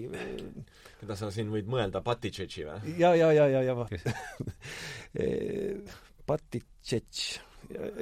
jah, ma, ma, kui ma kirjapilti vaatasin linnapea mulle... Pete. ja, ja, ja, ja, linnapea Pete ja mulle tundus, et näed, et nüüd on üks, üks niisugune minu kandidaat või kandidaat, kellest ma aru saan, on ka olemas, aga, aga mis joru tema ajas, mida tema lubas teha? Minu jaoks oli ta niisugune tänapäeva inimene, kellega sai haakuda äh, kliimaküsimustes, kellega sai haakuda vähemuste küsimuses, kellega noh, väga palju niisuguseid haakumiskohti ma leidsin. aga kas Biden ei taha vähemustest ja kliimast rääkida, ega ta seda ka jah, aga minu jaoks ta teeb seda viisil, mida, mis noh, mulle selles mõttes ei paku värsket midagi või mida, midagi Värs, uut. värsket on seal võrdlemisi vähe selles mõttes. nii vähe, nii vähe, vähe saan mina ka. aga Aru oskab siin tõenäoliselt seda sa võib-olla tõen-, tõena-, noh, kuivõrd sa seal elasid ja, ja tõenäoliselt jälgid neid USA uudiseid rohkem ka, et kuidas see, mis, jah, et kuidas Biden räägi, see on tõesti huvitav. tõesti huvitab. mis, mis sa sellest arvad? mind, mind ka huvitab ausalt öeldes, et äh, igal juhul selline, äh, selline ta meil praegu siis on jah, et temaga tuleb, äh, tuleb lõpuni minna, ega praegu, praegu neid hobuseid vahetada ei saa. aga noh, ütleme, et Bideni see keskne sõnum, eks ju, on tegelikult olnud selline nagu tagasipöördumine normaalsusesse, eks ju, et ühelt poolt see on nagu... ja, ja Bideni normaalsus on defineeritud kuidas? see on, seda ma tahaks isegi teada et ta on sõnastanud seda väga erinevatel hetkedel erineval viisil ja ühtlasi ta kipub sõnastama asju võrdlemisi segaselt, nii et sellest on teinekord äh, keeruline aru saada, aga, aga võib-olla selles peitubki ka tema äh,, tema võlu või see, miks ta on kandidaat selle praeguse hetke jaoks, sest et äh, et noh, et igaüks võib temasse sisse lugeda äh, enam-vähem mida iganes, eks ju, ta on selline natukene nagu tühi tähistaja, selline äh, valge, soliidne mees, mida niisugune noh, sümpaatne äh,, midagi otseselt solvavat ei ütle, kõigile tundub, et ma tunnen ka sellist äh, minu, minu jaoks nagu hea võrdlus on äh, Eesti poliitikas on Arnold Rüütel, eks ju, niisugune täiesti ohutu äh, täiesti mitte midagi ütlev äh, ja no vast ka mõttes... no see on ikkagi, see on seesama tsementeerimine, hoida asjad stabiilsed, et sisuliselt midagi vast ka senine karjäär nagu noh, et äh, nii palju, kui ma noh, olen jälginud, noh, et, et ta ei ole vist väga hullusid fopaasid teinud või noh, seal ikka on, ikka on äh, asju, mida talle on ette heidetud, nagu ka Arnold Rüütlile võiks üht koma teist ette heita, eks ju. et Bidenil on üheksakümnendatel, ta vastutas üksjagu palju äh, selle kriminaalõigussüsteemi karmistamise eest, mida praegu noh, USA-s, eks ju, on kõige rohkem per capita vange äh, maailmas ja nende vangide, ütleme, sotsiaaldemograafiline pro profiil on, on selgelt äh, äh mustanahaliste poole kaldu ja mille eest on USA õigussüsteemi hästi palju kritiseeritud ja, ja tema on äh, olnud nii mõnegi seaduse äh, autor, sponsor, mis on seda süsteemi noh, mis on selle süsteemi arhitektiks olnud. Et, et eks tal ikka ole neid asju küll, aga noh, teisalt jällegi äh, jah, et, et ta ei ole kunagi olnud nii äh, domineeriv, ta ei ole kunagi olnud nii äh, esiplaanil, et, et see oleks inimestele väga palju meelde jäänud. aga noh, kuna USA on, eks ju, lõhestunud äh, ühiskond praegu, et, et, et loomulikult sul on mingisugune hulk keskklassi, kelle jaoks äh, noh, kes ei, kelle jaoks oleks täitsa okei okay minna tagasi kuskile Obama aega või Clintoni aega või isegi George Bush noorema džinn, džinnpudelisse tagasi ajada. jah, täpselt, et neid, neid tüütab see, et, et Trump jaurab, eks ju, ta on ebaviisakas, ta on, noh, ta on labane, eks ju, see on nagu tüütu, kui su president on labane, aga neid otseselt ei puuduta tema poliitikat, eks ju, et, et noh, et need on need California äh, eeslinnades elavad inimesed, kelle, kelle lapsi ei pisteta puuridesse, keda immigratsiooniamet ei aja taga, Äh, kelle perekonnal ei jää mingid viisad saamata ja kes kellel on kodus niikuinii veefiltrid olemas, nii et see, et Trump hoogsalt lammutab kõiki keskkonnaregulatsioone, see neid eriti, noh, hetkel vähemalt eriti ei puuduta. Aga noh, küsimus on see, et mida teevad äh, see aina suurem osa ühiskonnast, kellele tundub, et äh, et juba no mitte ainult Trumpi või, või Bushi ajal, vaid ka Obama ajal ja, ja, ja Clintoni ajal oli suhteliselt kehvasti. Et, äh, et see, et äh, noh, et kes on, kes on see osa ühiskonnast, kellel ei ole tervisekindlustust, äh, sellepärast et nad ei jõua selliste töökohtadeni, millega kaasneks siis selle töökoha poolt ostetud tervisekindlustus või kes, kelle vanemad on pärit kuskilt Kolumbiast või, või Mehhikost ja kes no, aga sama, sama on ka, et sisemaa töö, endine valge töölisklass on samasuguses olukorras, kas mitte? jah, ja, ja, ja absoluutselt jah, ega need et mingi hetkeni sa võid ju uskuda seda juttu, et, et me kohe paneme General Motorsi uued tehased püsti ja siis tulevad kõik need töökohad tagasi, aga ühel hetkel sa avastad, et mm. et seda lihtsalt ei juhtu, et sul on vaja mingisugust muud mudelit, kuidas seda küsimust lahendada ja no lõpuks need, võtame siis need Ameerika farmerid, kes muretsevad, et, et iga aasta on aina rohkem üleujutusi, ähm, aina ebastabiilsem kliima maisi ja, ja soja kasvatamiseks või siis need, kes elavad rannikualadel ja mõtlevad, et või ütleme siis Californias, et näe, jälle põles mu maja maha või siis Louisianas, et jälle tuli üks orkaan peale, et need on ka küsimused, millega tuleb kuidagi diilida, et et noh, et kuna praegu, eks ju, Biden on see variant ja, ja on selge, et, et Trumpiga lähevad need asjad hullemaks, siis tema poolt hääletatakse, aga aga nagu ma ei, ma ei näe, et sellega hästi mm -hmm. väga kaugele ratsutaks et need, need konfliktid ei kao mitte kuskile Bideni valimisega. jah, noh, ühe, ütleme, Toomas, mis aasta mees sina oled? kuuskümmend neli. kuuskümmend neli, jaa, me ei olegi nii suur, suur vanuse vahe siis. no me oleme ühe impeeriumi lagunemist näinud ja mm, -hmm. ja mhm. Ja no Stephen Kotkini nimi sulle kindlasti ütleb ja, ja ma ei tea, kas jah ja,, mitte põhjalikult, aga tean, jah. me oleme temast siin ühe saate teinud sellest äh, Magnitogorskist ja aga ei see ei tahtnudki kõiki kolme Stalini biograafiat läbi võtta? ei, seda jah, see, ma, kusjuures esimese ma lugesin läbi isegi, esimese ja väga head väga ladu-, väga hästi kirjutab, jah. Aga et see, ma arvan, et see teos, mis on praegu kõige minu peas nagu tiirleb ja, ja haakub ka tänase saatega, seda ära, ära hoitud Armageddon, et mismoodi, kuidas oli võimalik, et maailma üks võimsamaid äh, politseiriike äh, hambuni relvastatud tuumarelvadega takkaotsa niimoodi lahkus lahkus Kiki Varvukil sisuliselt äh, lavalt ja pani veel, kustutas tuled enda järgi ka ära, et mulle tundub, et see et kui, kui vaadata seda elukaart, et no Trump ja, Trump ja Biden, noh, mul tulevad kohe Tšernenko, Andropov, no on ju selles mõttes, need on ju nii selged paralleelid, et et mismoodi sellest tupikust välja tullakse, et äh,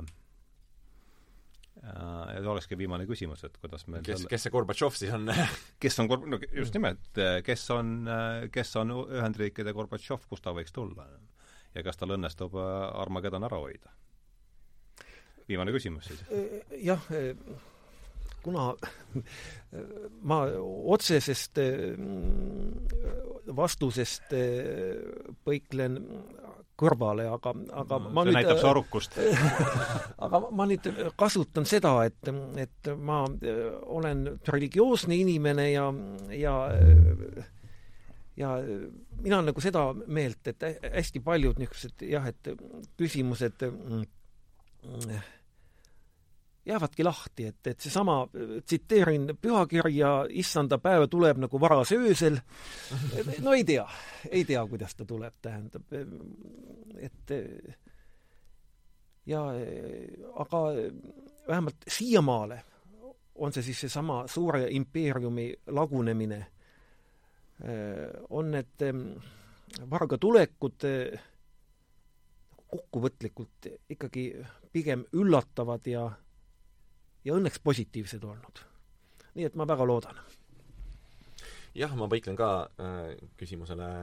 vastamisest kõrvale ähm,. et kogu selle äh, kursuse mõte on see, et äh, millenaarne mõtlemine on üks poliitilise mobilisatsiooni vorme mm. -hmm. ja see võib äh,, see mobilisatsioon ise võib olla väga erisuunaline, et sa võid mobiliseerida äh, mingi hierarhilise riigi juhina inimesi selleks, et nad läheksid kuskile kaugele maale äh, nii-öelda paganaid pöörama või siis põliselanikke koloniseerima, see võib olla selline horisontaalne, populaarne mobilisatsioon selleks, et öelda, et, et aeg on need äh, need papid ja, ja valeprohvetid oma kirikutest ja kuningakodadest välja visata ja see asi uuesti nullist üles ehitada. Ja see võib olla mobilisatsioon selleks, et öelda, et kuulge, et äh, võtame kõik nüüd ühe sammu tagasi, mõtleme, mis on mm. meie tegevuse piirid, mis on need kohad, kust üle astuda ei ole mõistlik ja tegu-, tegutseme nendes raamides, äh, et need kõik on, aga need kõik on poliitilise mobilisatsiooni vormid, need kõik on asjad, mille ümber äh, koondutakse. äh, ja ma arvan, et need kõik on nagu ühtaegu laual. ja nad kõik on nagu teatud hetkedes ka vajalikud, et et see kõik sõltub kontekstist ja nad kõik tulevad oma ohtudega, et, et loomulikult tuleb alati olla valvas selle üle, et sa ei lõpeta Robespierre'i või, või Jan van Leideniga, et, et see äh, soov luua uut maailma ei, ei lõpe sellega, et äh, et sa hakkad äh, äh, tapma kõiki valimatult, kes sinu visiooniga sellest uuest maailmast ei nõustu nii et Robert Speer ei, ei, ei igatse meil siin laua taga keegi, ma saan aru. milline üllatus, on ju, kuidagi ma satun väga sageli olukordadesse, kus selgub, et ma pean seda täpsustama. et ma ei tea, miks ei võiks seda võtta lihtsalt no see, kui see muster kordub, siis tuleb. Aga noh jaa, vabandust, ma segasin vahele. et ähm, et ütleme, et et positiivse, et kui, kui nüüd tuua välja üks nagu positiivne ja üks, üks negatiivne äh, tendents, ma tuleks tagasi selle kliimamuutuste teema juurde, sest mulle tõesti tundub, et et kuidas iganes nagu USA kui impeeriumi poliitika muutub, see on nagu see probleem, millega ükskõik, kes on meie domineeriv jõud kahekümne esimesel sajandil, olgu see USA, olgu see Hiina, võib-olla hoopis keegi kolmas, see on nagu see põhiline asi, millega tuleb tegeleda. Hiina on seda tõsiselt võtmas mm. -hmm. noh, USA-s tundub, et tea-, osad inimesed on ka seda tõsiselt võtmas, et üks asi, millest me räägime, on see, kuidas äh, ütleme, sellisel nagu kliimamuutuste kontekstil nagu paremas või paremal äärel asu, asetseval tiival e, elavad inimesed on, on tegelikult väga hästi omandanud selle apokalüptilise mõtlemise võib-olla nagu selle kõige ohtlikumas vormis. Mm.. me, me loeme seal e, selliste nagu kliimafatalistide ja, ja ka teatud määral nagu kliimaskeptikute äh, tekste, kust väga selgelt tuleb välja, et, et, et väga paljude inimeste jaoks äh, noh, nimetagem siis neid doomsday prepper iteks või ähm, või kelleks iganes, et, et neil on veendumus, et, et see kliimakatastroof on tulemas ja see on hea. sellepärast, et, et see maailm, kus me praegu elame, see on noh, et see, me elamegi sellises nagu pea peale pööratud maailmas, kus mehed ei ole enam tõelised mehed, mm. -hmm. igasugused inimesed saavad abielluda kellega iganes, on mingid lumehelbekesed äh,, ei ole enam sellist nagu korralikku piiriala sellist kauboi elu, kus, kus ikkagi nagu iga mees seisis iseenda ja oma pere eest ja võitles oma käte ja oma, oma selle äh, kahe äh,, kaheraudsega Äh, välja selle, mis talle kuulus ja et, et, et selline nagu postapokalüptiline nagu kliimakatastroofi maailm, selline nagu võiks, nagu me näeme näiteks Cormac McCarthy raamatust Tee, ongi mingil määral hea, sest et, et seal on jällegi see, et, et maksab see mehisus, maksab jõud äh,, avatakse see, et, et igasugune nagu mingi moraalne arusaam inimõigustest ja, ja, ja muust taolisest on lihtsalt pinnavirvendus, et lõpuks maksab see, kellel on suurem, suurem kaigas ja see on mingil määral nagu reaalsem. ja see on küllaltki kütkestav visioon terve hulga inimeste jaoks ja, ja üks küsimus on see, et, et et mida on sellele visioonile vastu panna nendel, kellele tundub, et võib-olla nagu metsikusse läände tagasipöördumine ei ole see, mida esiteks ei ole realistlik ja teiseks ei ole see, mida me võiksime tahta, et, et mingisugune vastus sellele peaks olema ja ma loodaks, et see on pigem selline, mis äh, tõukub Kantist või või, või sellistest rahulikumatest äh, ähm,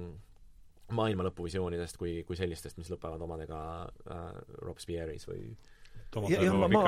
ainult repliigi tähendab, et et äh, omas nagu, nagu eelnevas äh, sõnavõtus ma ütlesin, et, et, et paljusid asju ei tea või ei tea, kuidas me sellele uue aja, ajastule kes selle lahenduse toob, aga noh, mulle endale nagu hetkel tundub, et mulle väga meeldib Jeanne d'Arc omal ajal, kuidas, kui noh, neid samu kaheraudsega mehi ei olnud, tuli tüdruk ja tegi ära, et mulle meeldib ma vist tean, kus suunas sa suundud sellega. mulle meeldib Malala, kuidas, kui et, et islami tüdrukutele ei ole siin haridust vaja midagi, saab kuuli pähe, aga, aga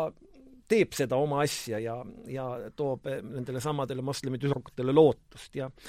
ja kliima puhul mulle tundub, et Gretaga ma olen väga rahul, tähendab mm. -hmm. no jaa, et jäi niisugune rahulolev niisugune äh, toon äh, saatest kõlama, et äh, et tänan teid tulemast, meil on kaks tundi täis, et äh, tõmbame siis äh,, tõmbame siis vestluse joone alla, hakkasime pihta äh,